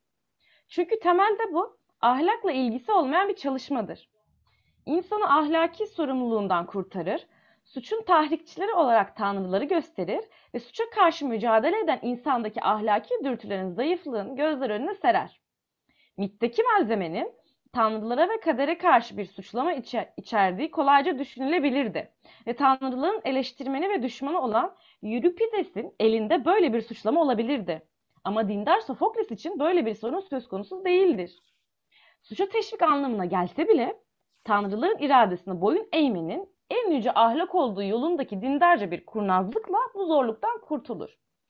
Bu ahlak görüşünün oyunda güçlü bir etken olduğunu sanmıyorum. Çünkü sonuç üzerinde hiçbir etkisi yoktur. Seyircinin tepki gösterdiği şey bu değil, mitin gizli anlamı ve içeriğidir. Sanki kendi kendine analiz yoluyla kendi içindeki Oedipus kompleksini algılamış, kendi bilinç, dışının yüceltilmiş temsili olarak tanrıların iradesini ve kehanetini ortaya çıkarmış gibi tepki verir. Sanki iki arzuyu, babasından kurtulup annesini kendine kara etme arzularını hatırlamaya zorlanmış ve dehşete kapılmıştır. Dramatistin sesi ona şöyle der gibidir. Sorumluluğuna karşı boşuna mücadele ediyor, bu suç niyetlerine karşı yaptıkların için boşuna dövünüyorsun. Suç, suçlusun çünkü bu arzuları öldüremedin. Bunlar bilinç dışında hala yaşıyor. Bunda da psikolojik bir doğruluk payı vardır. Bir insan kötülük dürtülerini bilinç dışında bastırırsa ve daha sonra kendi kendine bunlardan sorumlu olmadığını söylese bile nedenini bilmediği bir suçluluk duygusu kılığında da olsa bu sorumluluğun mutlaka farkında olacaktır.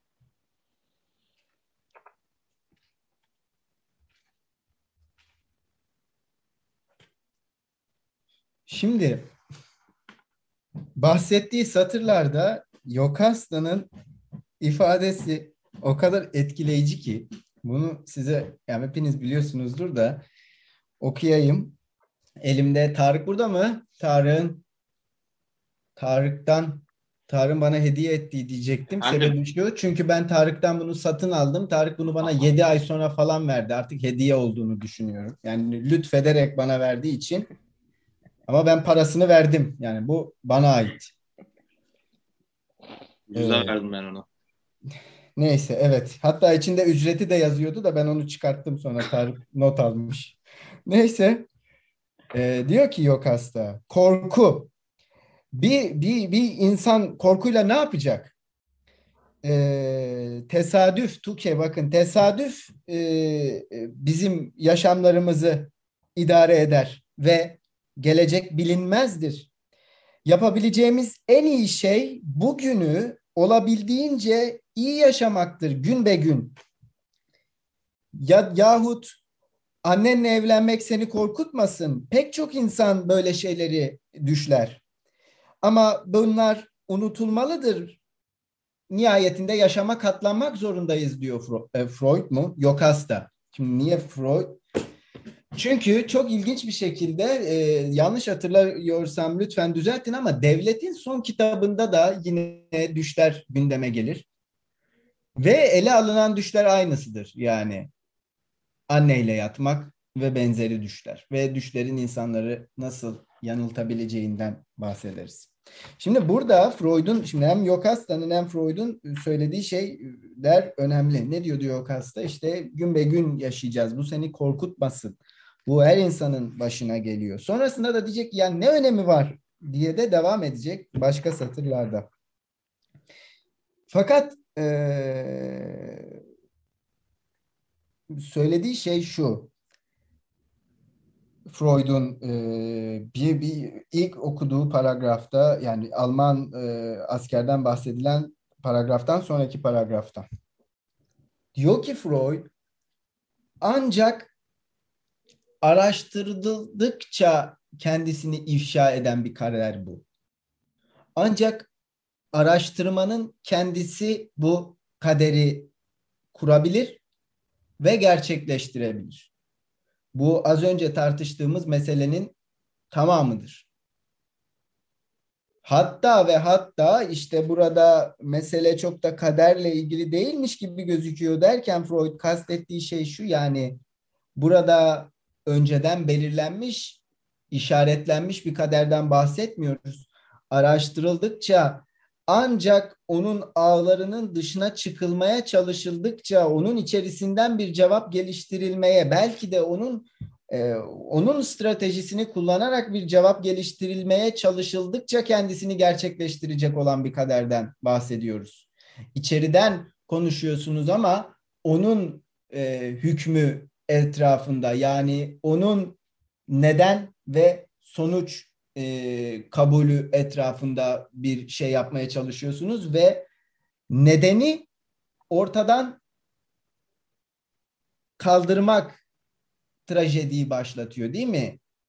Oidipus'u sürmek. Eğer nedeni kaldırırsanız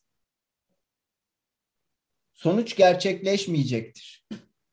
Ama mesele şu, Mehmet Mansur'un derste söylediklerini hatırlayın lütfen. Zaten siz varsaydığınız için sonuç ile neden arasında bir ilişki vardır. Siz varsaymadan evvel bu iki değişken arasında bir gerek ilişkisi yoktur. Ancak araştırarak bunu inşa edebilirsiniz ve ancak araştırarak bunun ağına yakalanabilirsiniz. Ve içeriden geliştirmeye çalıştığınız her cevap, örneğin meseleyi rasyonalize etmek değil mi? Ya da nedenleri değiştirerek, değiştirmeye çalışarak sonucun bundan etkileneceğini varsaymak en nihayetinde çok işte tam olarak ee,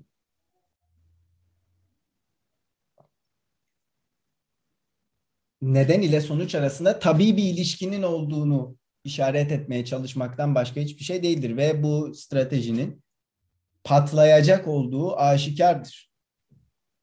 Freud'un ben karşılaşabileceğiniz en ciddi kadercilerden birisi olduğunu düşünüyorum. Yani ee, olabildiğince kadercidir Freud.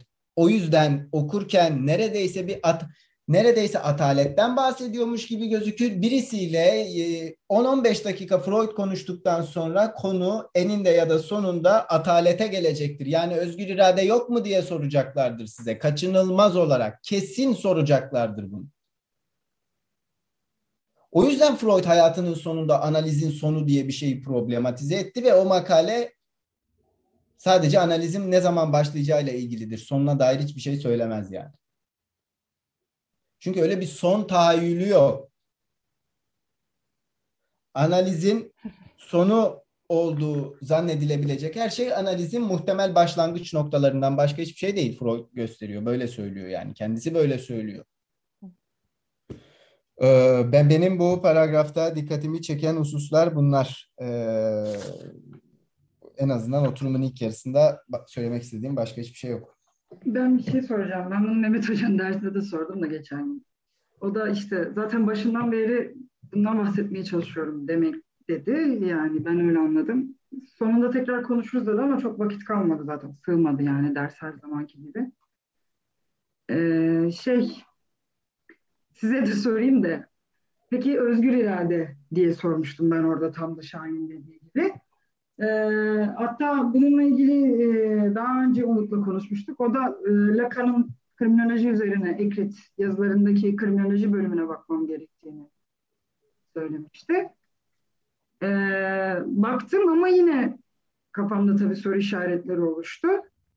E, bu arada yine Zizek'in şiddetinde bununla ilgili bir şey var. Sorumluluk ve özellik meselesi ile e, Freud ve Lacan üzerine e, onu da atarım şeyden sonra. Ama yine de tabii benim isterseniz kafamda soru işareti oluyor. Mesela özellikle suç işleme bakımından, dar anlamda suç işlemekten bahsediyorum. Yani anlamında suçluluk değil de Türk Ceza Kanunu anlamındaki suç işlemekten bahsediyorum. Yani özgür iradeyi nereye koyacağız? Ee, meselesi tabii ki isterseniz benim kafamda sürekli olarak dönüp duruyor. Yani sizin fikirlerinizi merak ettim. Şey olursa valla sevinirim. Güzel. Bu soruyla o zaman ara verelim. Herkese de bir düşünme payı bırakmış oluruz. O zaman şu an saat 22.31. Bir 10 dakika ara verip 22.41'de tekrardan buluşalım. Tekrardan merhabalar herkese. Ezgi'nin sorusuyla ara vermiştik. Şimdi tekrardan buluştuk. Bu soruya dair e, yorum yapmak isteyen, ekleme yapmak isteyen var mı? Onu sorabilirim. Soruyu bir daha duysak iyi olur mu? Olur. Ezgi, tekrar sormak ister misin yoksa özetleyelim mi? Gibi. Yani tekrar söylemem iyi olur derseniz. Şey, hmm, yani e, kadercilikten bahsedildi işte Freud'un Freud'un bir kaderci olması meselesi. İşte aynı şekilde ben şey minvali üzerinden sormuştum Mehmet Hoca'nın dersinde de. E, geleceğin bizi kapması meselesi vesaire. Aslında deminden beri tartıştığımız bu meseleler işte e, Oedipus kompleksi üzerinden de bu paragrafta da anlatılan şeyler.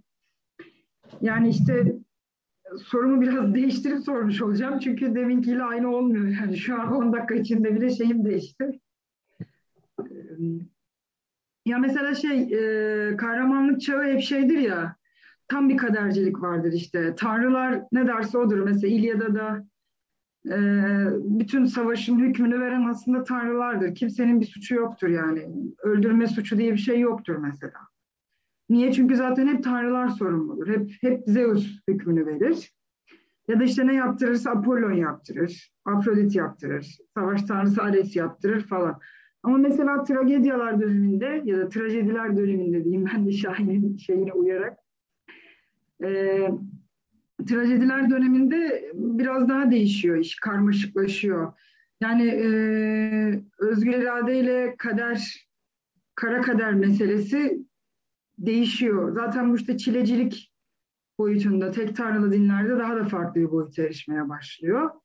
İşte e, orada artık kendini bizim için öldüren Tanrı'dan başlayaraktan aslında bir merhamet hissiyle e, suçluluk meselesi daha da fazla sırtımıza biniyor. Ama mesela kahramanlar çağında suçlu insan diye bir şey yok. Çünkü zaten ne yapıyorsa tanrılar yapıyor.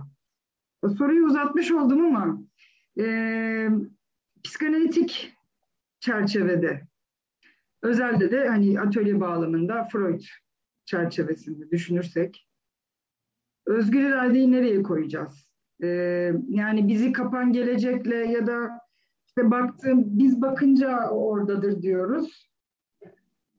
Bütün bu bağlamlar içerisinde özgür iradeyi nereye koyacağız? Mesela suç işleyen birine, kanun anlamında suç işleyen birinden bahsediyorum. Nereye koyacağız? Ben bunları merak ediyorum. Var mı yorumu olan veya cevaplamak isteyen?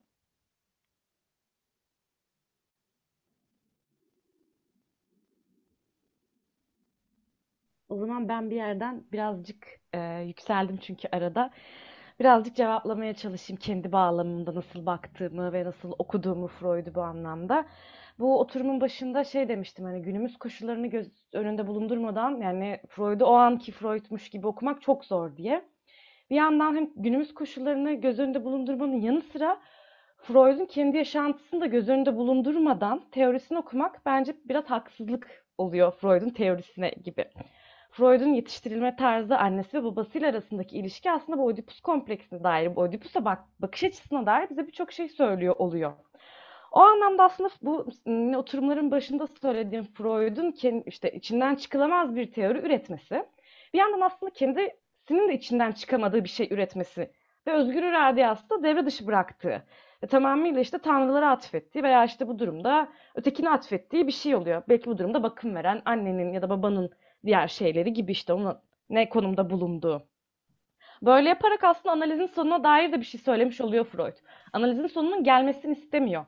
Özgür iradenin olması demek ve analizin sonunun gelmesi demek bu ilk ensest yasağının yani ensestin arzunun enseste dair o ensestiyöz arzunun heh, buldum kelimeyi o arzunun gerçekleşemeyeceğini kabulüdür. Analizin sonu veya işte e, terapinin sonu neyse. Bununla başlar en azından belki ama sanki Freud'un yapmak istemediği o özgür iradeyi veya işte sevgi nesnesine yöneltilen işte ilk ensestiyöz yerden başka bir şeye yöneltilen bir şey kabul edilmeyişi yani kabul edemeyişi diye yorumluyorum ben Freud'un kendi hayatına da baktığımda. Bu tamamıyla benim yorumum bir yandan. Çünkü Oedipus'u farklı açılarda dokumak yani farklı yerlerden bakmanın da birçok yolu var. Ee, bu özgür iradeyi soruyor olmam da çok e, anlamlı. Çünkü Oedipus aslında kendisi bir şey inşa etmeye çalışmamıştır. Bu arzu Oedipus'un içerisinde var mıdır? Yoksa aslında babasına ve belki onun da daha sonrasında daha atalarından gelen bir lanet midir? Annesiyle birlikte olacak olması. Yani bu Oedipus'un kaçmaya çalıştığı bir şey midir? Ama aynı zamanda kaçarken de sürüklenip kendini bulduğu bir şey midir? Gibi. Ama içerisinde o ilk arzuya dair bir şey, o ilk oluşum aşaması yani belki şairin de dediği o nedene nasıl işte sonuca nereden neden atfederseniz orada bir yerde çıkacak. Freud'un da yaptığı şey biraz öyle bir şey. Sanki bu içinde var ve onu örtmeye yönelik suçlayıcı yani kendini suçlu hissettiği bir yerden onu kapatmaya çalışıyormuş gibi. Fakat ama farklı bir yerden okumaya da çalışırsam, kalkarsam aslında bu haberi bile olmadığı bir şey ve buna söylendiği zaman da istemediğini söylediği bir şey. Aslında özgür iradeyi yok eden şey tam olarak bana kalırsa bu. Freud'un teorisinde olan şey de bu. Çünkü söylediği şey bir anlamda inkar ettiği bir şey de olarak yorumlanabiliyor. Veya yapmak istemediği bir şey direnç olarak da yorumlanabiliyor. Hayır ben bunu yapmak istemiyorum dediğinde yapmak istiyorsunuz ama farkında değilsiniz denilebiliyor. Bu aslında Freud'un içinde bulunduğu hem bulunmak istediği bir konum. Çünkü o öyle olunca işte tam da şeyde kalıyor. Hmm, kendi teorisinin içerisinde kalmış oluyor. Sadece teori doğrulanmış oluyor ve şey olmuş oluyor işte hmm, devam ettirmiş oluyor birbirine. Böyle burada bir bırakayım. Hmm. Ben kısaca şunu söylemek isterim. Yani özgür irade benim cevaplayabileceğim bir şey e, konu değil. E, ışık. Pardon, ışık, elektrik. E, değil ama ben bunun en azından direnç direnç kavramıyla e, gene Freud içerisinde kalarak cevaplanabileceğini düşünüyorum. İkincisi yani özgür iradeyi geçtim iradeye bile hani bilinç ve e, ruhsallığın özdeşleşmesini havanda su dövmek diyor Freud ilk bölümde.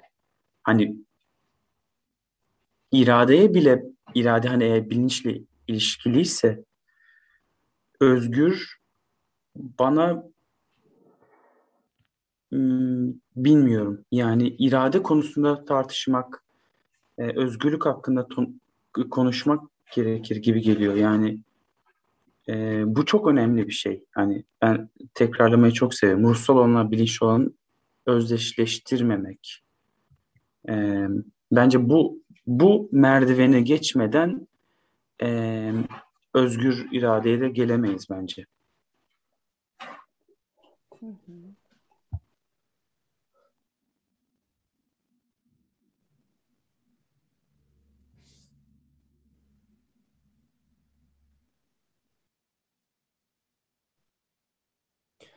Batuhan, sanki oturumun ilk yarısında hatırlatmış olduğun metin, hatırlama, tekrarlama ve kafa yorma metni ve orada Freud'un tekrar zorlantısını ele alma biçimi de bu konu hakkında bir şeyler söylüyor olabilir diye düşünüyorum. Ne dersin? Önce bir senin ne düşündüğünü, o metni yeni okumuş birisi olarak ne düşündüğünü merak ediyorum.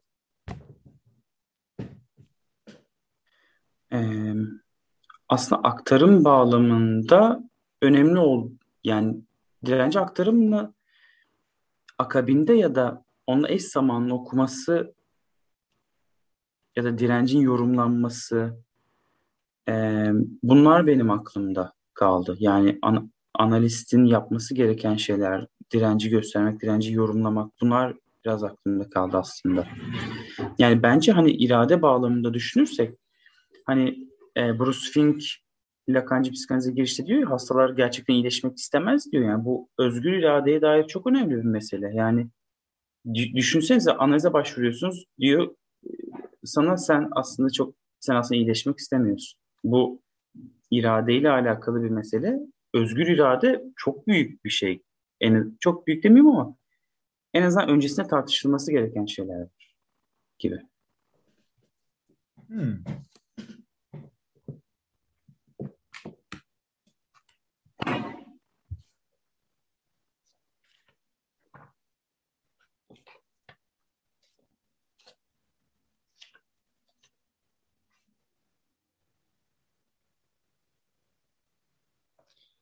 Şimdi müsaadenizle bir şey kurmaya çalışayım ama hiçbir cevap vaat etmediğimi de söyleyeceğim. Kitaplarımı hazırlıyorum. Bir saniye.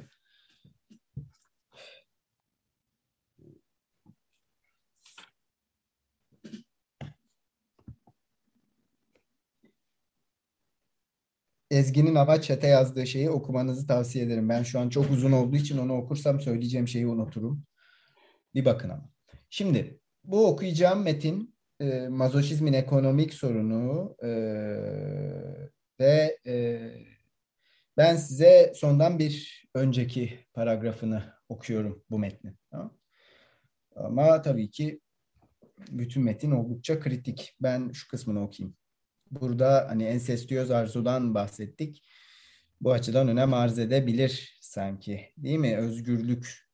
Diğer bir yandan da bu tartışmada şunu duymak lazım aslında değil mi? Yani İlker abi e, geriye doğru bakmaktan bahsetti ya hani ve de e, libidinal yatırımların organizasyonundan bahsetti aslında değil mi İlker abi? Yani oraya o, o tırnak içerisinde söylüyorum öznenin tarihinin o spesifik periyoduna atfedebileceğimiz bir organizasyon yokluğu sanki değil mi? Hani aslında e, bir gösterenin etrafında kurulmuş bir hikayenin yokluğu teknik olarak gibi.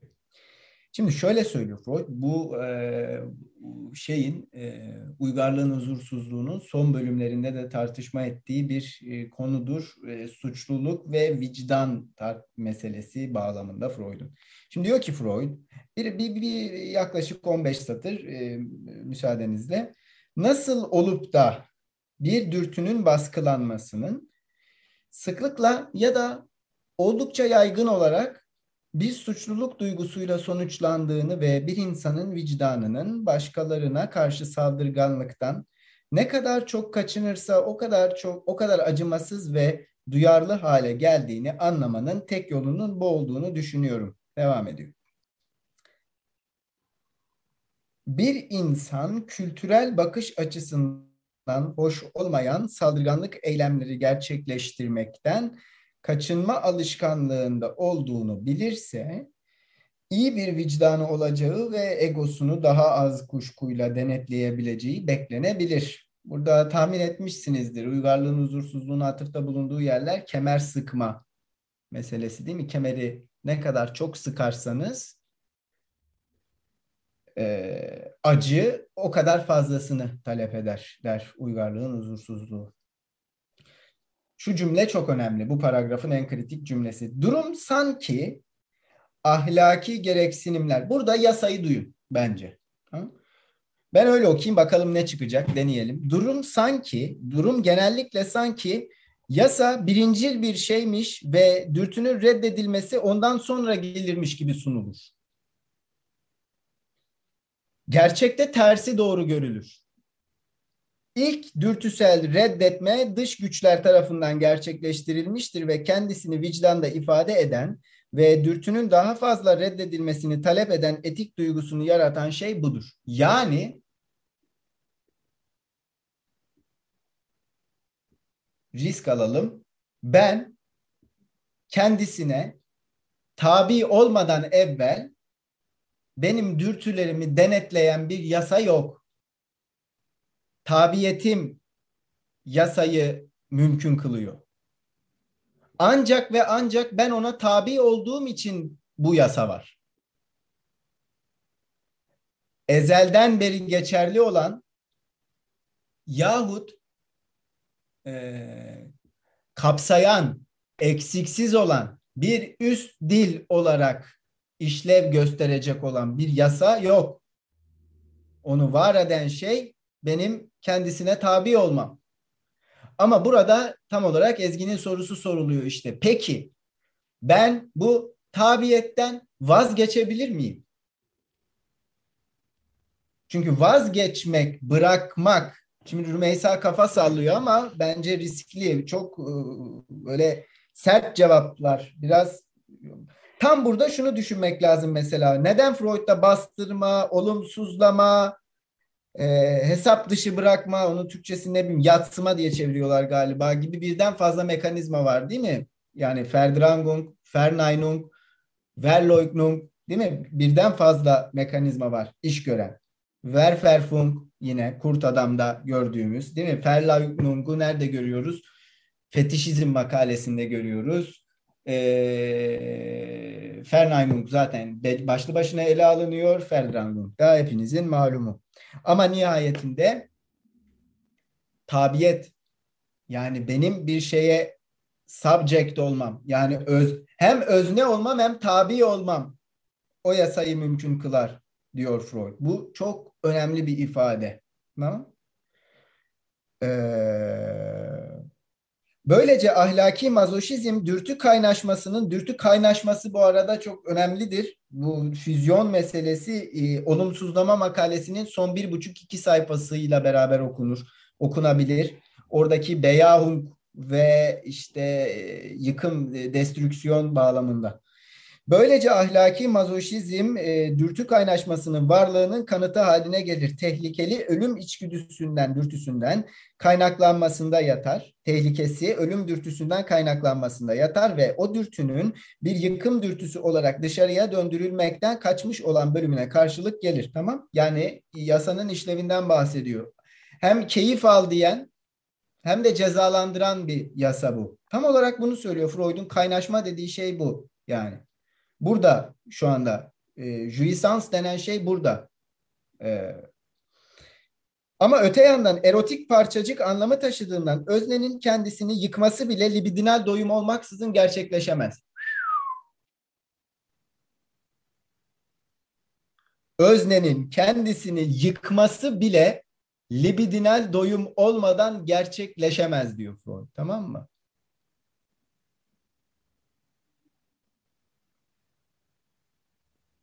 Şimdi aklımda iki metin var. Birisi 1894 savunma nöropsikozları. Tam olarak bugün Batuhan'ın söylediği metinlerden ilerlemeye çalışıyorum.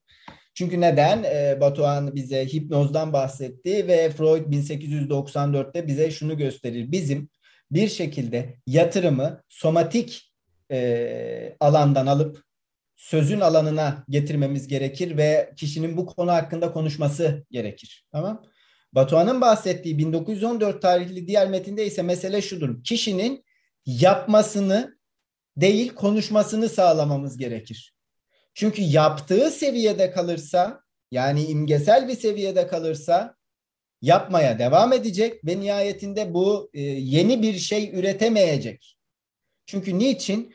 Bu imgesel e, yapı e, diyelim bu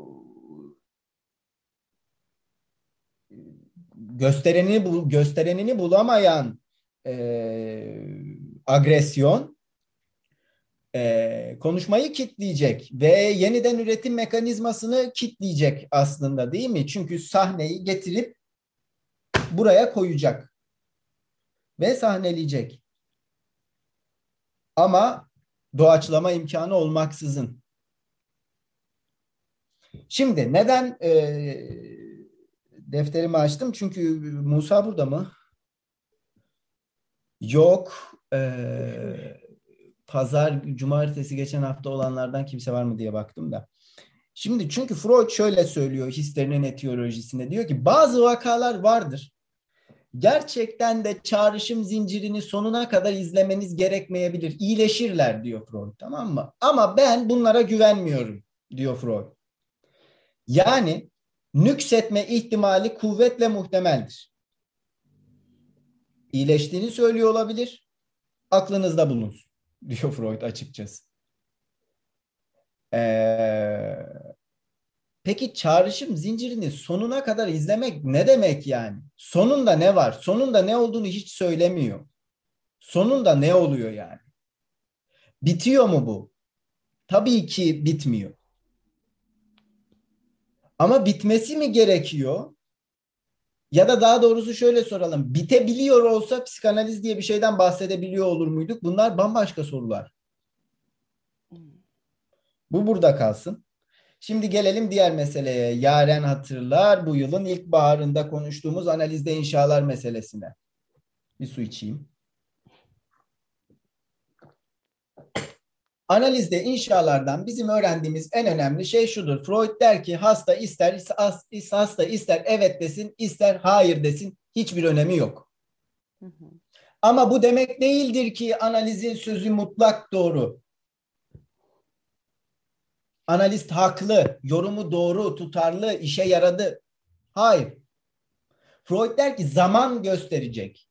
Doğru olabilir. Bakacağız. Ama der Freud korkmayın yanıldıysanız sorun değil. İşe yaramayarak da işe yarayabilir. Tam olarak yanılmanız bir şey yapmış olabilir ve buradan faydalanabilirsiniz diyor çok açık bir şekilde. Peki nasıl? Çünkü diyor çalışacağınız şey evet ya da hayır değildir. Hayır denirken gözünün seyirmesidir örneğin kişinin. Ya da sıçan adam örneğinde olduğu gibi e,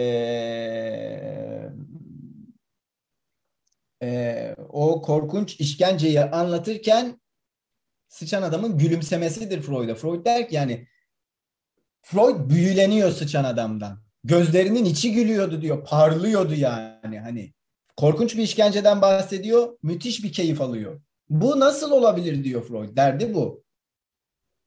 Bunun olmaması gerekir teknik olarak. Eğer bu varsa bunu konuşmamız gerekiyor çünkü örtüşmeyen bir şey var. Konuşma küründe, konuşularak yapılan şeyde Freud'un gördüğü şey bu. Yani hani bunun kurulmasına vesile olan yapının kendisiyle çalışmaya devam etmek tamam mı? Yani teker teker analiz analizanın getirdiği şeylerle çalışmak.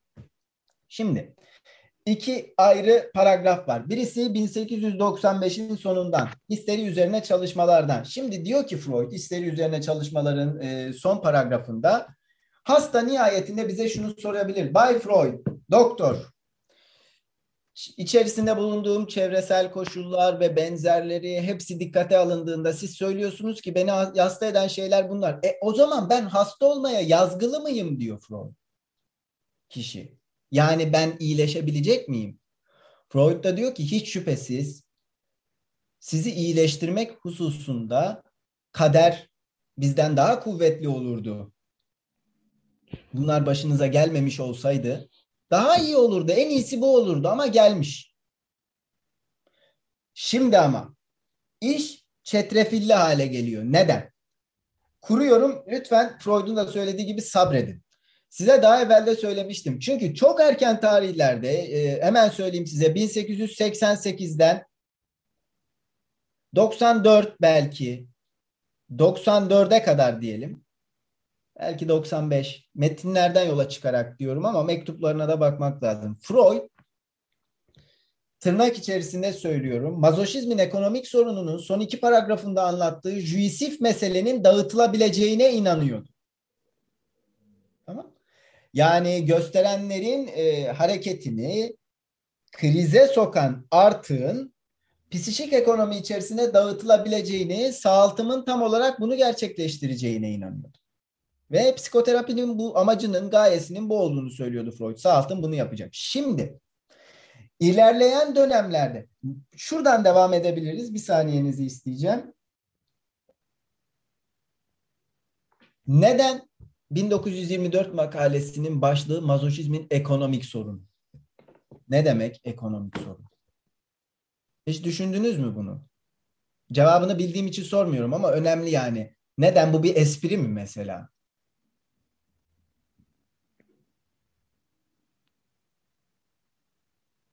O şak, espri olabilir. Küçük yani.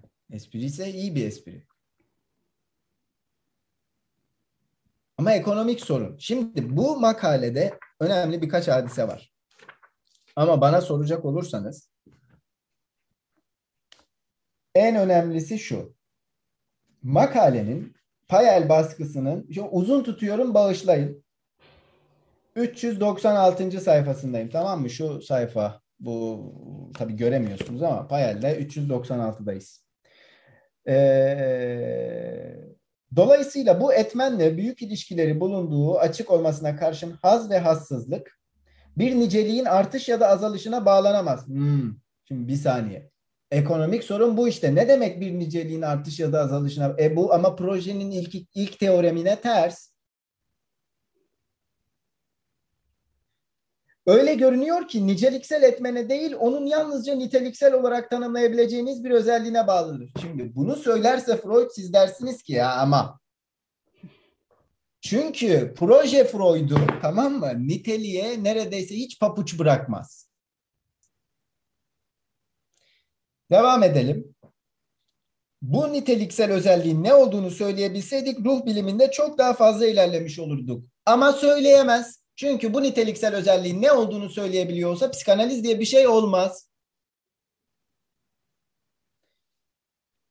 Belki ritim uyaran miktarındaki değişikliklerin yükseliş ve azalışlarının zamansal dizisidir bilmiyoruz diyor Freud.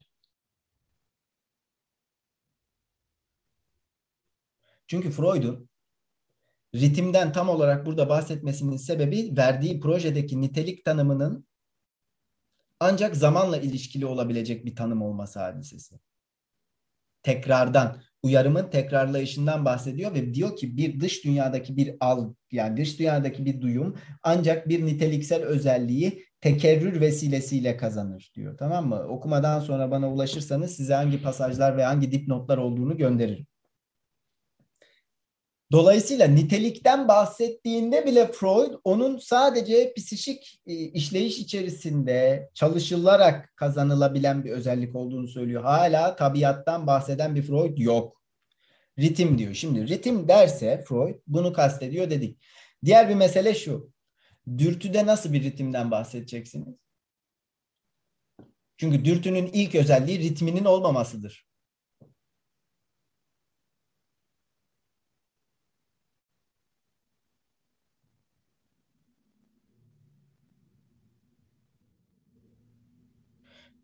Devam ediyorum. Analizde, e, sonlu sonsuz analizde Freud'un sorduğu soru şudur o yüzden. Demişti hatırlayın e, ne kadar ya neredeyse 40 sene önce.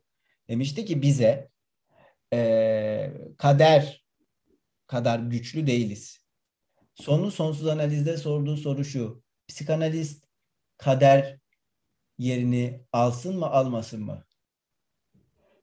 Tanrı taklidi yapalım mı yapmayalım mı diye soruyor Freud. Neden? Sorusu şu çünkü. Eğer bir psikanalist, çok kabalaştırarak söylüyorum mazur görün, henüz ortaya çıkmamış bir kriz keşfederse, uyanırsa işi, ama analizen bunu konuşmazsa, bunu gündeme getirmeli mi getirmemeli mi?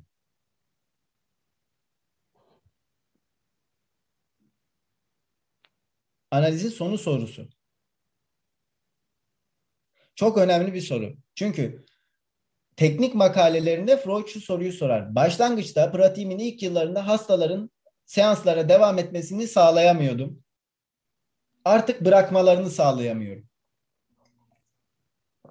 Diyor bize. Tamam Buraya kadar iyi gidiyor olduğumuzu umut ediyorum. Peki o zaman analizin sonu konu tartışmasını nasıl konuşacağız? Mesela Ezgi ne demiş? Ee, gerçek Freudçu teorinin etik özelliği bir yanılsamaya, daha düşük libidinal motifleri bastırmamıza dayalı bir yanılsamaya indirgemekle hiç alakası yoktur demiş Zizek Şiddet'in 176. sayfasında bize Ezgi bunu iletmiş. Tamam.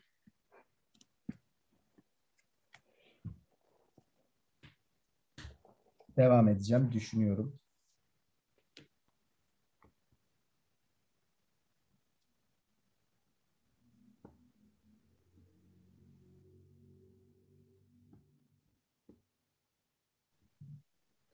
Tam olarak burası işte bana soracak olursanız Lacan'ın 11. seminerde tartıştığı Tuke ve atom otomaton meselesinin girdiği yerdir işte.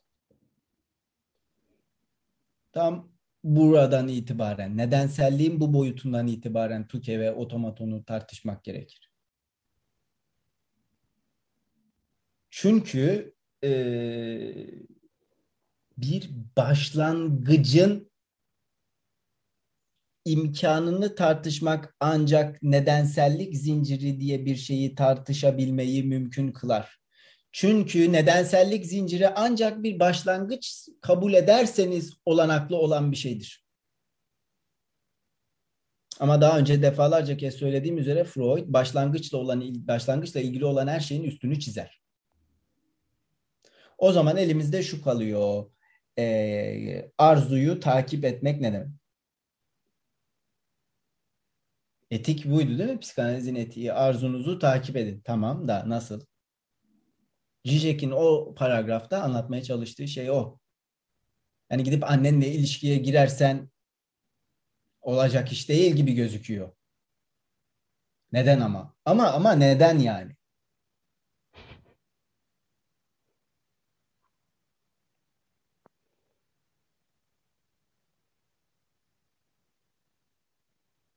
Arzuyu takip edebilmek için benim bir sorumluluk almam gerekir. Çalışma, hatırlama, tekrarlama, derinlemesine çalışma makalesinde en çok e, sanki ıskalanan şey bu gibi gözüküyor. Çalışma, analizan çalışır. Bu iştir yani, iş yapar. Arbeit, gerçekten durch, Durcharbeiten Almancası kelimenin iş.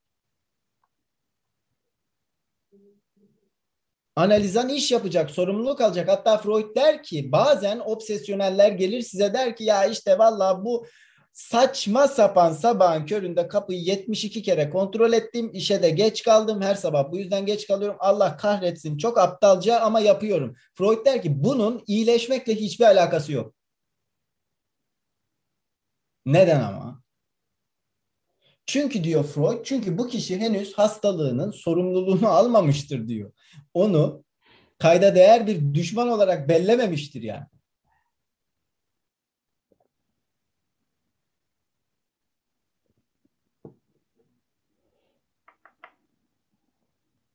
Dolayısıyla analizin sonu sorusu arzunun takibiyle, dolayısıyla arzu ile düşünülüyor ise arzunun hareketini yani arzunun gösterenler üzerinde sekerek gerçekleştirdiği hareketi takip etmenin ancak analizin sonuna dair bir şeyler söyleyebilmesinde şaşılacak hiçbir şey yok. Çünkü o hareketin kendisinde hem özdeşleşmeler mevcut, hem işte e, metonivi ve metaforu mümkün kılan şeyler mevcut, hem bir üstü çizili büyük öteki var, hem ego var, egodan farklı olarak sözce var, sözceleyen var ve en önemlisi talep var.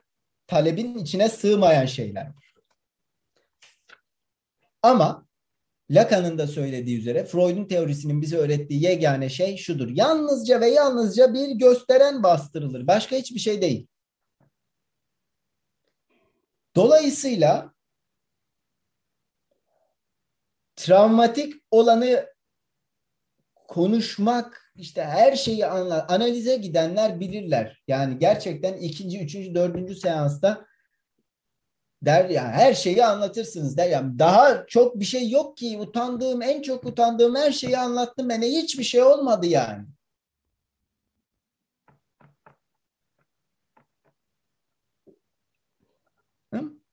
Devam edelim.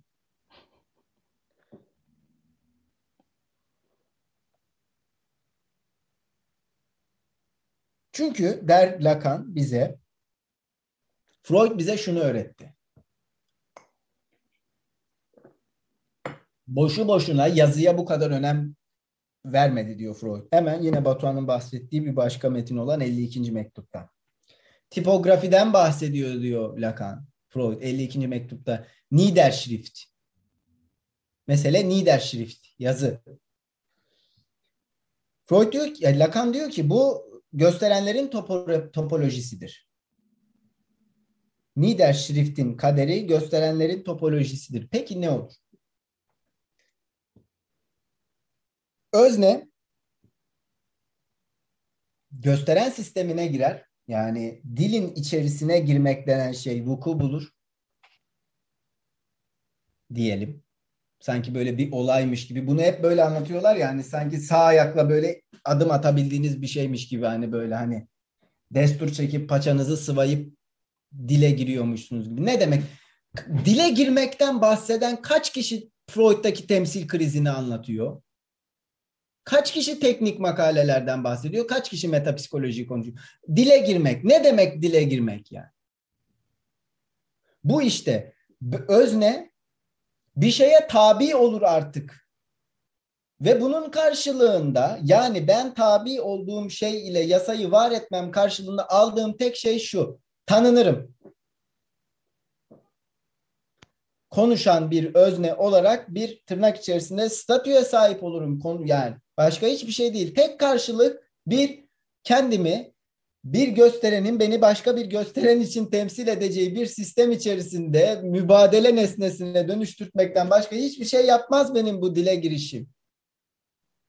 Dolayısıyla benim dile girişim denen şey benim dile girmemi mümkün kılan hareketin kendisinden başka hiçbir şeyi konuşmuyor. Dolayısıyla ben dile girdiğimde dil sistemi içerisinden hareket ettiğimde, konuştuğumda, var ettiğimde, ürettiğimde, semptom gösterdiğimde bir mübadele nesnesinden farklı olarak işlemiyorum. Dolayısıyla ben dile özümden bir şeyi sokmuyorum.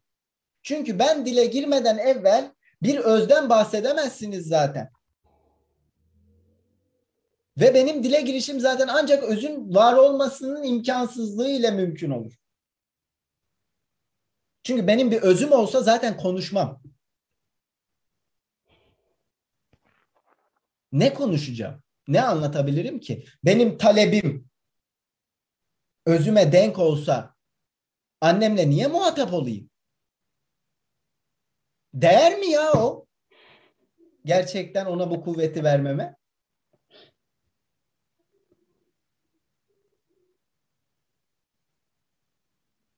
Ama soru var değil mi? Sorusu var. Bazı insanların sorusu var. Soruyla geliyorlar. Ya da Freud tartışıyor değil mi? Bazı insanlar analiz edilebilir, bazıları edilemez diyor. İlginç şeyleri var, ifadeleri var bu konuda.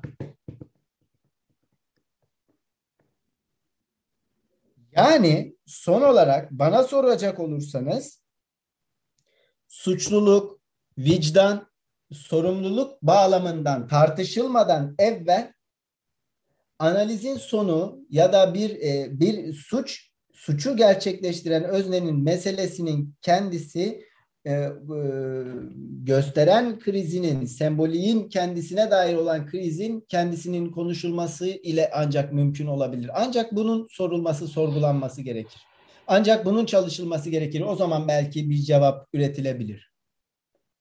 Ama nihayetinde Freud da bunu yapar değil mi? Sıçan adamda örneğin. Okuyun vaka örneklerini okuyun Freud'un. Ne yaptığına bakın. Ne yapıyor mesela Freud sıçan adamda? Ratla ilgili bir sürü şey geliyor değil mi? Sıçanlar geliyor. Taksitle öyle ödemek geliyor değil mi? Raten. Babasının borcunu ödeyecek falan. Taksitle ödüyor. Selin'in bir romanı var. Taksitle ölüm diye. Ne tesadüf ki vallahi babasıyla borcunu bir türlü kapatamıyor adam ya.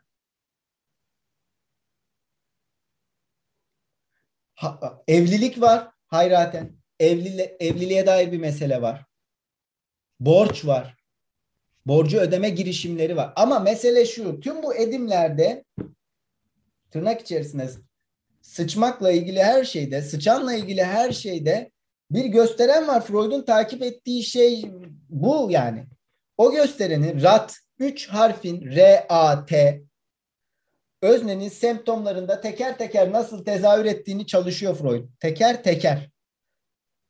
Ve onlar konuşuldukça dağılıyor. Bu mutlak bir dağılmaya mı tekabül eder? Bilmiyorum. Sorunun cevabının bu kısmını bilmiyorum. Gerçekten bilmiyorum. Ama sorunun buradan itibaren tartışılması gerektiğini hatta arzu doyumu ve arzu meselesinin kendisinin de buradan itibaren tartışılması gerektiğine inanıyorum. Bu gündeme gelmezse arzunun nesnesi, arzunun nesne nedeni ya da arzunun hedefi gibi çeşit çeşit şey konusunda sabaha kadar konuşabiliriz ama hiçbir işe yaramaz.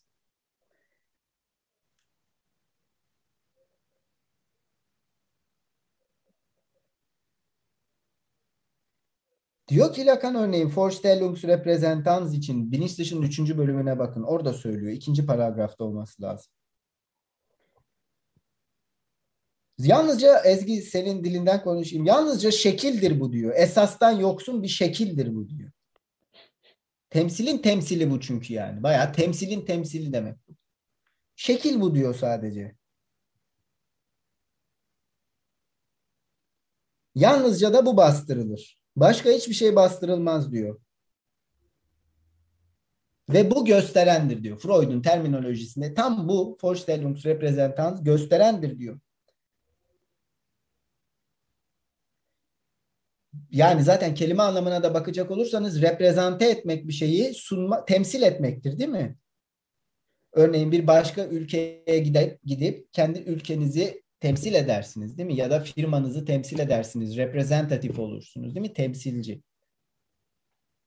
Vorstellung da sunum, temsil gibi ifadelere sahip. Temsilin temsilinden bahsediyor. Ve diyor ki Lacan sadece bu bastırılır. E çünkü bu özneyi hemen şu formülüne gelelim artık. Ne diyordu Lacan? Bir gösteren özneyi başka bir gösteren için temsil eder. Ve diyor ki Lacan bunu mümkün kılan şeyin başladığı nokta Vorstellungsrepräsentanz yani temsilin temsili. Temsilin temsili bastırılacak ki özneyi bir başkası için temsil eden gösterenin kendisine dair bir analiz gerçekleştirilebilirsin. Arzu çerçevesi içerisinden.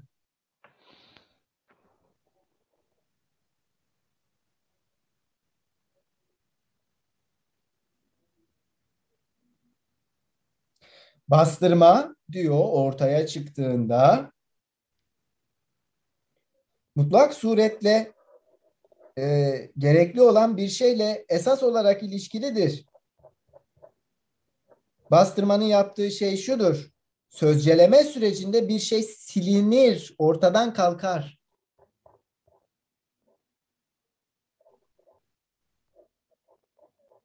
Ne diyordu? Hep Batuhan Saç rüya atölyelerinden örnek vererek şu soru önemlidir diyordu değil mi? Bu rüyada ne yok?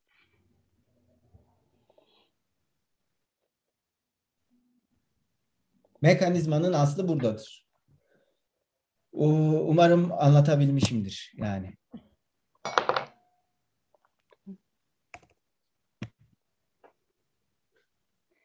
Şahin seni en sonunda kafes dövüşüne davet edeceğim. Bir sürü şey söyledin. Hepsi bir sürü soru var. Çok fazla şey birbirine bağlanmış oldu. Öncelikle ben fikirlerim oluştu biraz ama siz başka söylemek isteyen, eklemek isteyen, başka bir şeyi daha açımlamasını isteyen var mı? Merak ediyorum görüşlerinizi.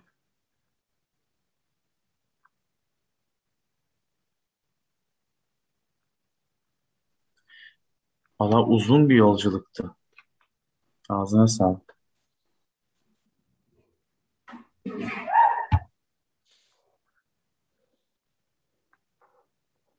Bayağı bir şey birbirine bağlantılandırdın. O çok bir yandan iyi geldi. Freud'u belki hem kendi teorisi içerisinden hem onunla ilgilenen yazarlar, teorisyenler içerisinden dinlemek bana da iyi geldi. Fakat burada e, danışanlara, analizana edilen büyük bir haksızlığı yani bir sürü şeye önüne çıkıp araya girmek istedim ama en çok ona o benim e, dikkatimi çekti. İlk onu söylemek istiyorum. E, danışan, yani analizan aslında bu bir şeyin sorumluluğunu almıyor derken ne kastediliyor yani? Çünkü danışan analize geliyor. Yani analizden analize gelmeye başlamış. Bunun Gelmiyor daha... diyor işte. Ben iyileştim artık gelmeyeceğim diyebilir diyor mesela. Yok o tamam bir o kısım var oraya da geleceğim ama şey demiş yani ben işte 72 kere kapıyı açıp kapattım ama bu çok saçma olduğunu biliyorum. Hani belki analistin de görevi belki fark ettiği bir şey söylemek mi söylememek mi? Yani ama aslında geliyor zaten onun görevi gelmesi oraya. Geldikten sonraki şey aslında analistin görevi. Ve Septomu Freud... küçümsüyor diyor. Analizanı küçümsemiyor ki. Daha tamam ciddiye alması gerekir diyor. Tamam da analizanın böyle bir derdi yok. Semptomu küçümseyebilir. Semptomun önemli bir şey olduğunu bilmeyebilir analizan. Bu onun işi değil. Bu analistin işi.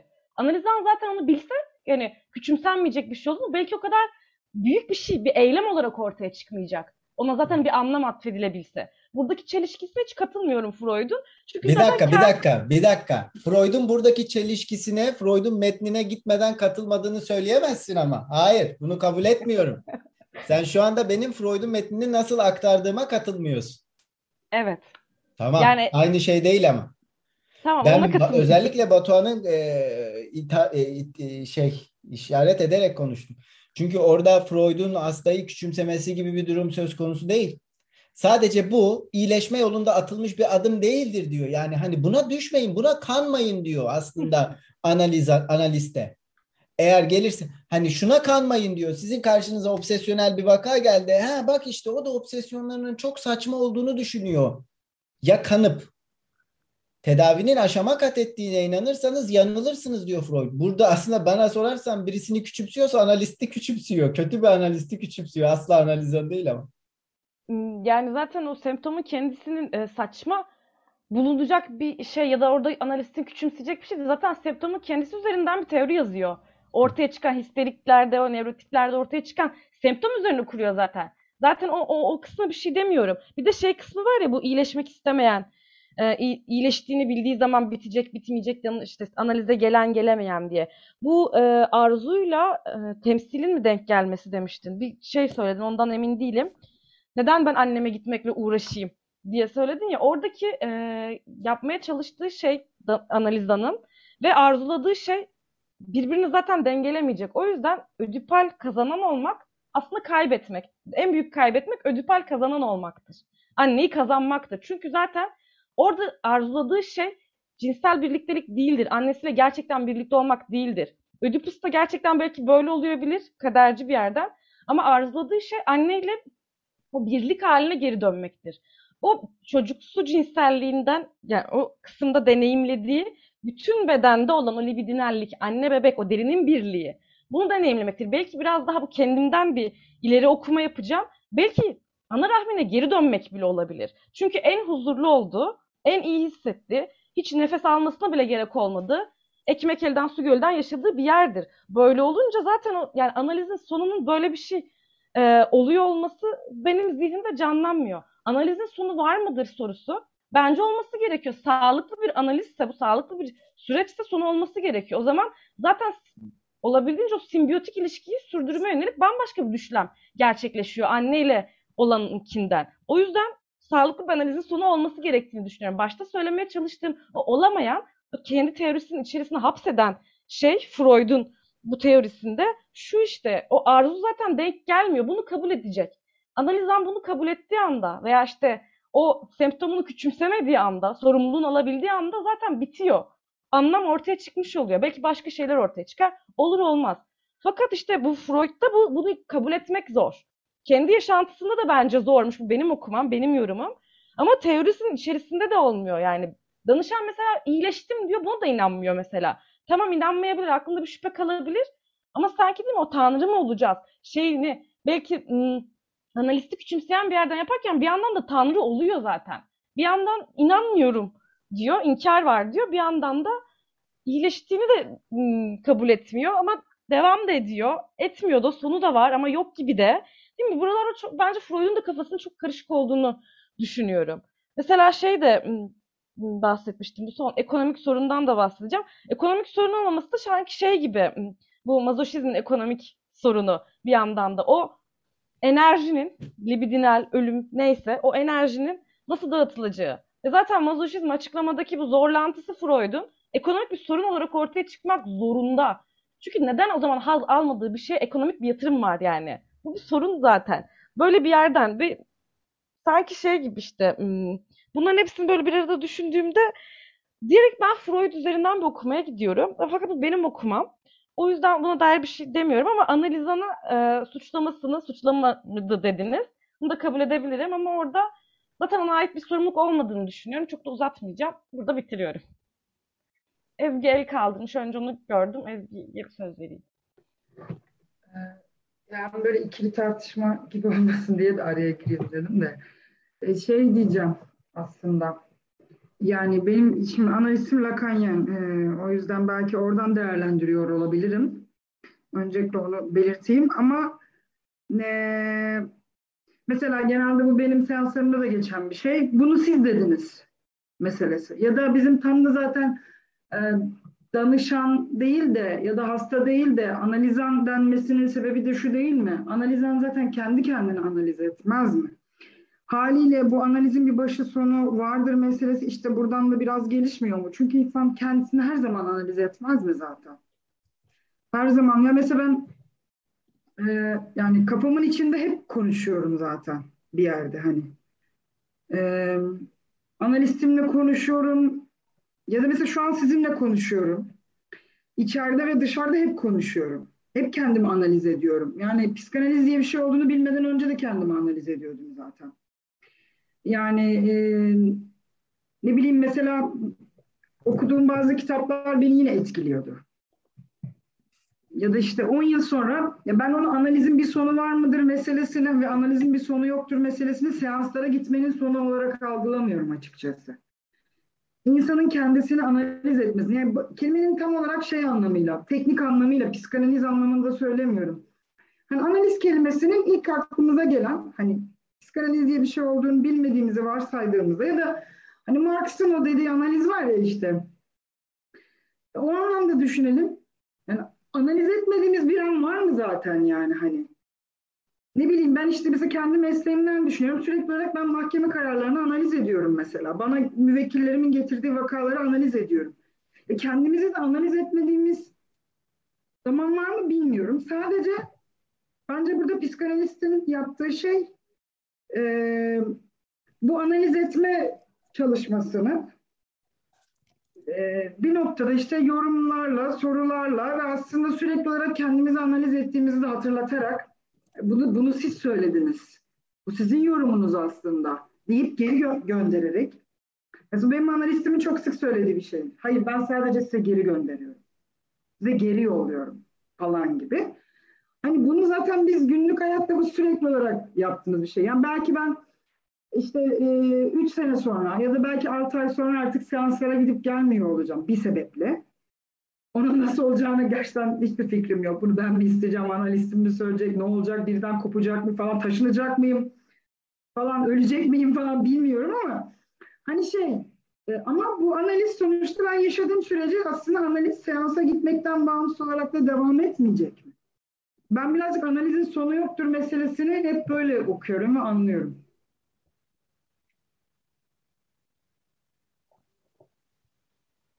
Tamam, sorun bir dakika kalsın e, şey için. Bir de Yaren'e de söz verelim. O da el kaldırmıştı. Ben bir şey sormak istiyorum açıkçası. Hani e, şey dedin ya, sağlıklı bir analizin bence sonu olmalı. Hani yanlış duymadım herhalde. E, yani şunu merak ediyorum açıkçası. Sağlıklı bir analizden e, sonu olmalı dediğimde sağlıksız bir analizden kastını merak ediyorum. Hani neden sağlıklı bir analiz? Neden sağlıklı bir analizin sonu olmalı? Sağlıksız analizden kastın ne ki? Sağlıksız analizin neden sonu olmamalı? Hani bu sorular doğdu birden bende. Bir kere sağlıklı bir analizin sonu mu olmalı? Analizin sağlıklı bir sonu olmalı mı? Analizin sağlıklı bir sonundan bahsedebilir miyiz? Bu tarz sorular doğdu açıkçası. Onu da sormak istedim. Harika. Tam Ezgi'nin sorusuyla da bütünleşik bir yerden. Ee, Ezgi'ninkiyle başlayıp devam edeyim o zaman. Direkt bana sorulan da bir şey. Ezgi'ninki değil ama e, Ezgi'nin sorusu için belki sizin de düşündüğünüz, belirtmek istediğiniz şeyler vardır. Onları da duymak isterim tabii ki. İkisini hemen hızlıca bir cevaplamaya çalışayım. Ee, analiz kendi kendine yapılabiliyor olsaydı ki Freud'un iddia ettiği şey tam aksi. İnsan kendine kördür ki analist bunu o açığa çıkarır. Unutulanı belki bulunduğu noktadan geriye dönerek belki semptomlar üzerinden bakarak bunu yardımla yapar. Yok kendi kendine analiz olsaydı büyük ihtimalle psikanaliz olmazdı diye düşünüyorum. Bu Freud'un metinleri değil, bu kendi şahsi düşüncem. Sağlıklı bir analiz, sağlıklı sonu gibi bir şey olmadığı takdirde şey gibi bir şey canlanıyor gözümde. Bu sadece yine Freud'dan yaptığım bir okuma değil. Ama Freud'un da böyle bir sonu olmayan bir şey kastettiğine de hiç inanamıyor bir tarafım. Sonu olan bir şey kastettiğini düşünmek istiyorum. Çünkü bu sonu olmayan bir şey olursa bu bağımlılık ilişkisine de dönebiliyor. Çünkü aslında nasıl diyeyim kendi, yani tam da şey gibi Ezgi'nin baktığı bir perspektiften bakmak gerekiyor. Hayatın sonuna kadar devam edebilecek bir şeymiş gibi ama orada analizden, analiste ihtiyaç ne noktada var ne noktada yok ona çok emin değilim. Çünkü belli bir süre sonra zaten analistin sesini aynı annenin kendi ya da toplumun, yasanın şeyini içselleştirip ona tabi olmamız gibi Şahin'in de az önce anlattığı gibi bir noktadan sonra analiste, terapiste neyse ona da tabi olup önce bir kendimizi bırakıp daha sonra onu içeri almakla özdeşleşerek zaten o sesi o orada olmasa bile duyabiliyoruz. Buna izin vermesi için bir alan açması lazım. Yani analistin. Bu yine analizanın sorumluluğunda olan bir şey değil. Çünkü analizden zaten kendisi için yapan birisi var orada. Kendisini analiz etmesine de gerek yok. Analist zaten onu yapıyor.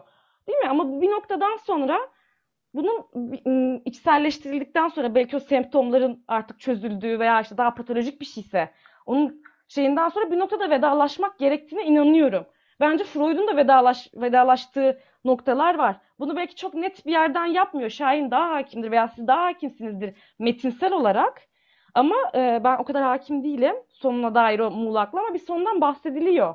Yani sonsuza kadar sürecek bir ilişki sanki işte o ilk nesneyi aramaya devam etmek gibi bir yandan. Çünkü bir noktada kabullenip başka bir nesneyle onu en azından tatmin etmeye çalışmak gibi oluyor.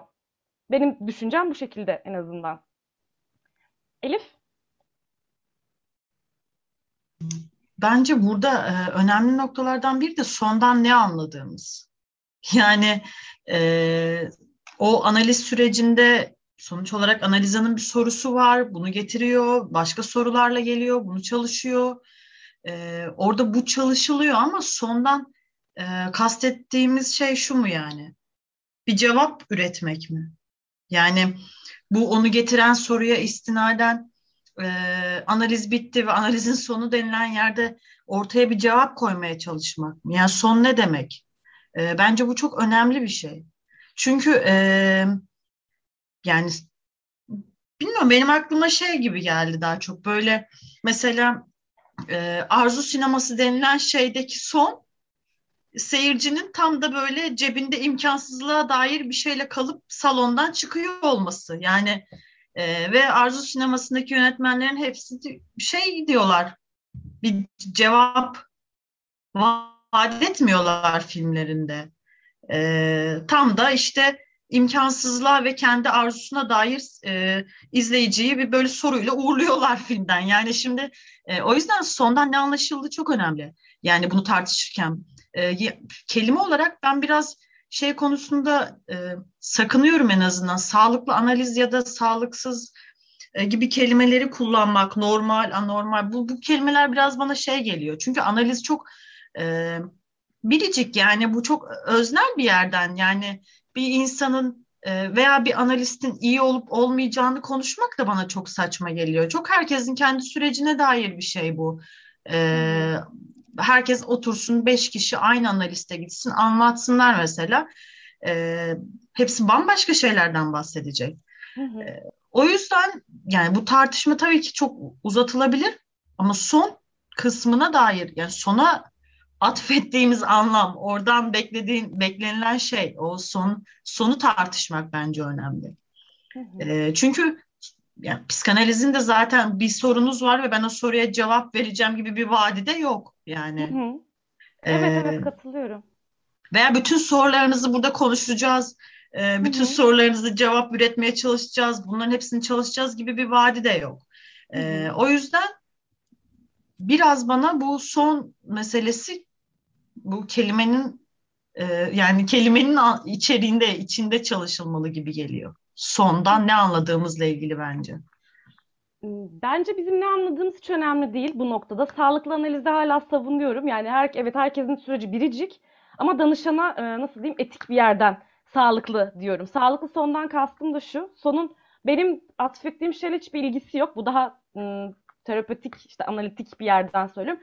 Danışanın sonuyla aslında çalışmak. Bu benim atfedeceğim veya benim ortaya koyacağım bir şey değil. Ve benim sadece tek başıma vereceğim bir karar da değil bir terapist, bir analist olarak. Bu aslında işte tam da sonu konuşmak e, bu anlamda şey gibi işte sürecin biricikliği içerisinde bir anlamı oluyor.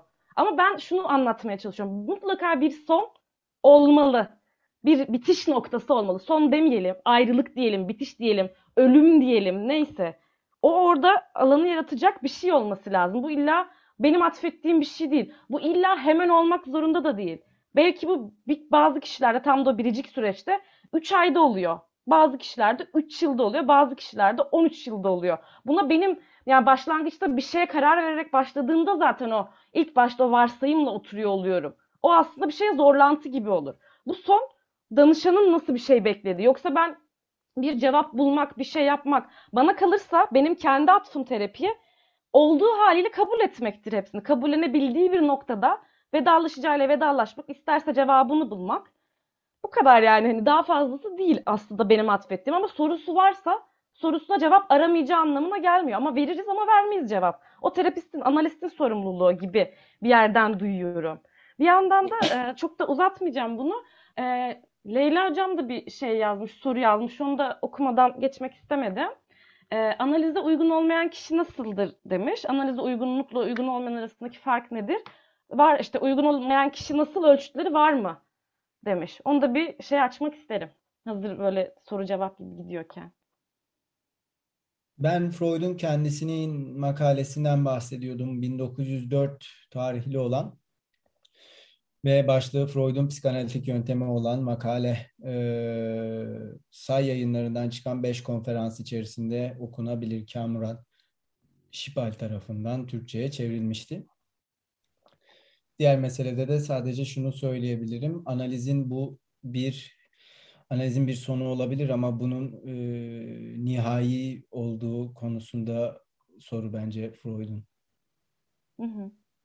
Beş yılda bir gelin diyor mesela makalede. Komik ama yani hani.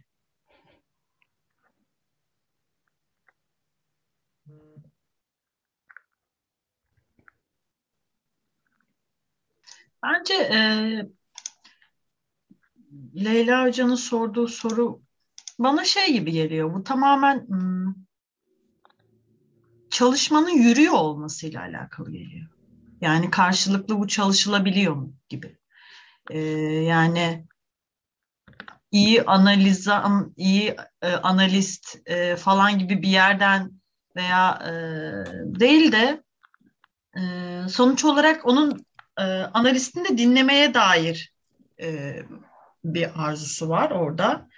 E, yani burada sadece analize başlayan kişinin arzusundan ibaret değil aktarım dediğimiz şey. E, bence bu aktarımın kuruluyor olması tamamen. Ya kurulamadığı yerde zaten çalışma yürümüyor, devam etmiyor. Yani e, bir analizan da bırakabileceği gibi süreci analist de bırakabiliyor. Devam edemiyoruz, çalışamıyoruz diyor. Yani e, o noktada bunun ben aktarımdan bağımsız düşünülebileceğini düşünmüyorum. Yani bu benim biraz böyle geliyor bana.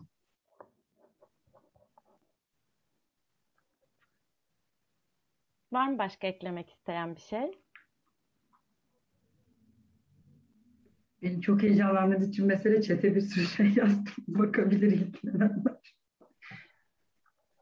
Ya bilmiyorum ayrılık kelimesi bile o kadar tartışmalı ki.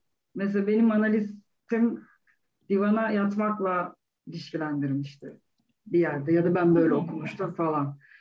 Ee, ya da işte e, o Paul Celan'ın bir şiirini yazdım yani. Sarmaş dolaşız ayrılığımızda ki aynı şiirde şey diyor. Terk etmektir benim sadakatim diyor. Ya biraz aslında analizin sonu yoktur derken bunu demek istedim de o şiir biraz belki tercüman olur ne demek istediğimi. Yani onu söyleyeyim. Bu arada tabii analizin sonu yoktur, başı yoktur demek birazcık aslında zamansallıkla da ilgili bir şey yani.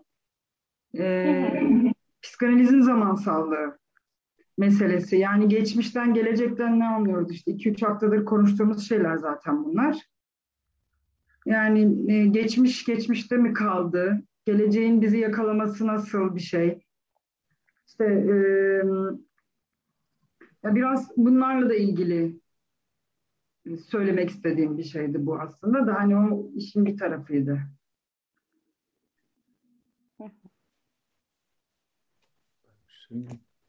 Tamam. Rümeysa dediğinden şöyle bir şey anlam çıkarabilir miyim? Psikanalize gidiyorum ve yürümeyi öğrendiğim anda ve tökezlediğim anda nasıl davranabileceğimi veya hava şartlarının kötü olduğu bir zamanda şu an örneklendirerek anlatıyorum. Herhangi bir duruma karşı bu ruhsal mekanizmanın içindeki bir durumdan bahsediyorum nasıl davranacağımı ya da nasıl bir konum alabileceğimi öğrendiğimde psikanaliz benim için bitmiştir. Böyle düşünebilir miyim? Hmm, öyle düşünmek istiyorsan düşünebilirsin. Kendi, kendi kendi kendime artık yürümeyi öğren öğreniyorsam ve bunun kudretini kendi içimde sağlayabiliyorsam benim için bitmiştir psikanaliz. Bitmesini istediğin zaman bitmiştir bir yandan Evet. da. Çok Evet. uzatmak istemiyorum. Aynı şey gibi Şahin de demişti ya bir, bir şeye tabi olmaktan bahsetmişti işte. Aslında o tab ve özün olsa zaten o özün şeyini niye konuşayım demişti. Belki bu sözlerle de biraz kapatabiliriz. Epeyce de vakit oldu. Sanki şey gibi işte o iki seçenek varmış gibi değil mi? O işte özün ol- olmadığı bir yerden konuşmaktan bahsetmişti. Ama sanki analist biraz daha bunu açık açan, sanki işte analizanın tab tabii olduğu şeyin dışında bir yerden bakarak onun da onu görmesini belki bakmasını sağlayacak bir şeyden bahsediyor sanki Freud. Bunu öğrendikten sonrasında ne yapacağı veya ne yapmayacağı aslında biraz da analiste, analiste değil, analizana kalıyor. Belki birlikte verecekleri bir süreç. İşte Dediğim gibi benim ne atfettiğimden, ana- analistin ne atfettiğinden çok analizanın bununla ne yapmak istediği biraz daha önemli gibi duruyor bu noktada. Tamam, Batuhan'a da söz Evet. verelim. Daha sonrasında da kapatacağız. Şunu düşünüyorum. Yani analiz, analizin sonu meselesinin hani somut anlamda ayrılıkla hani hmm, hani 6 sene analize gittim şimdi de bitti anlamında mı duymak gerekiyor bilmiyorum. Bence hiç böyle ol- olmadığını düşünüyorum yani. Ee, Şahin'in ses söz yazı metninde Sokrat Sokratik bir meseleden bahsettiği bir yer var, paragraf.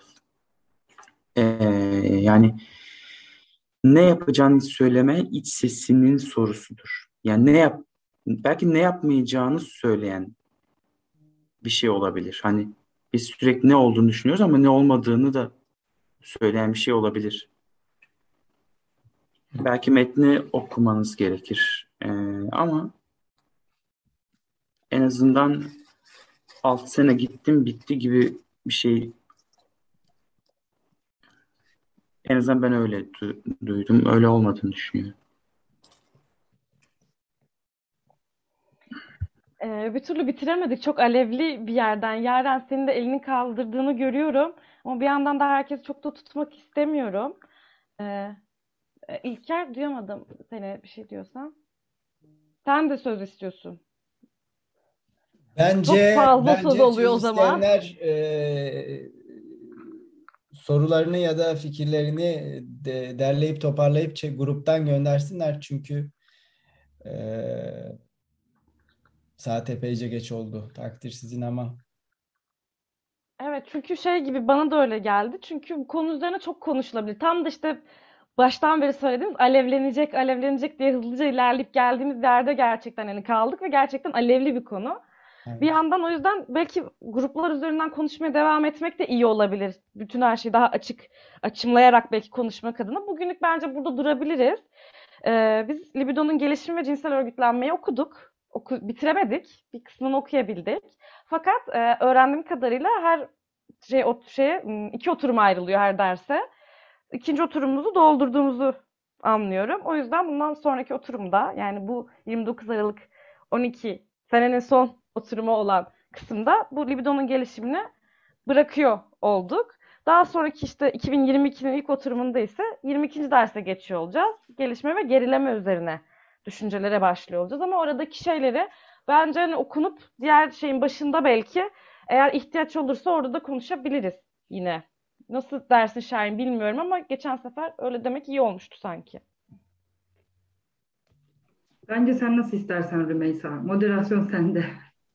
Ya tabii şey değil hani o sonraki hafta için direkt bir şey söylemek istemedim. Onun için aslında biraz daha sorarak ilerlemek istedim. O zaman bu şekilde son işte 2021'in son oturumunu hep birlikte yaptık. Çok keyif aldım ben. Umarım siz de almışsınızdır. İlk deneyimimde bu grupla. Ee, dilim sürçtüyse kelimeyi de bulamadım. Sürçtüyse affedin beni. Kusura bakmayın. Yapıyorum arada öyle şeyler. Teşekkür ederim hepinize. İyi geceler.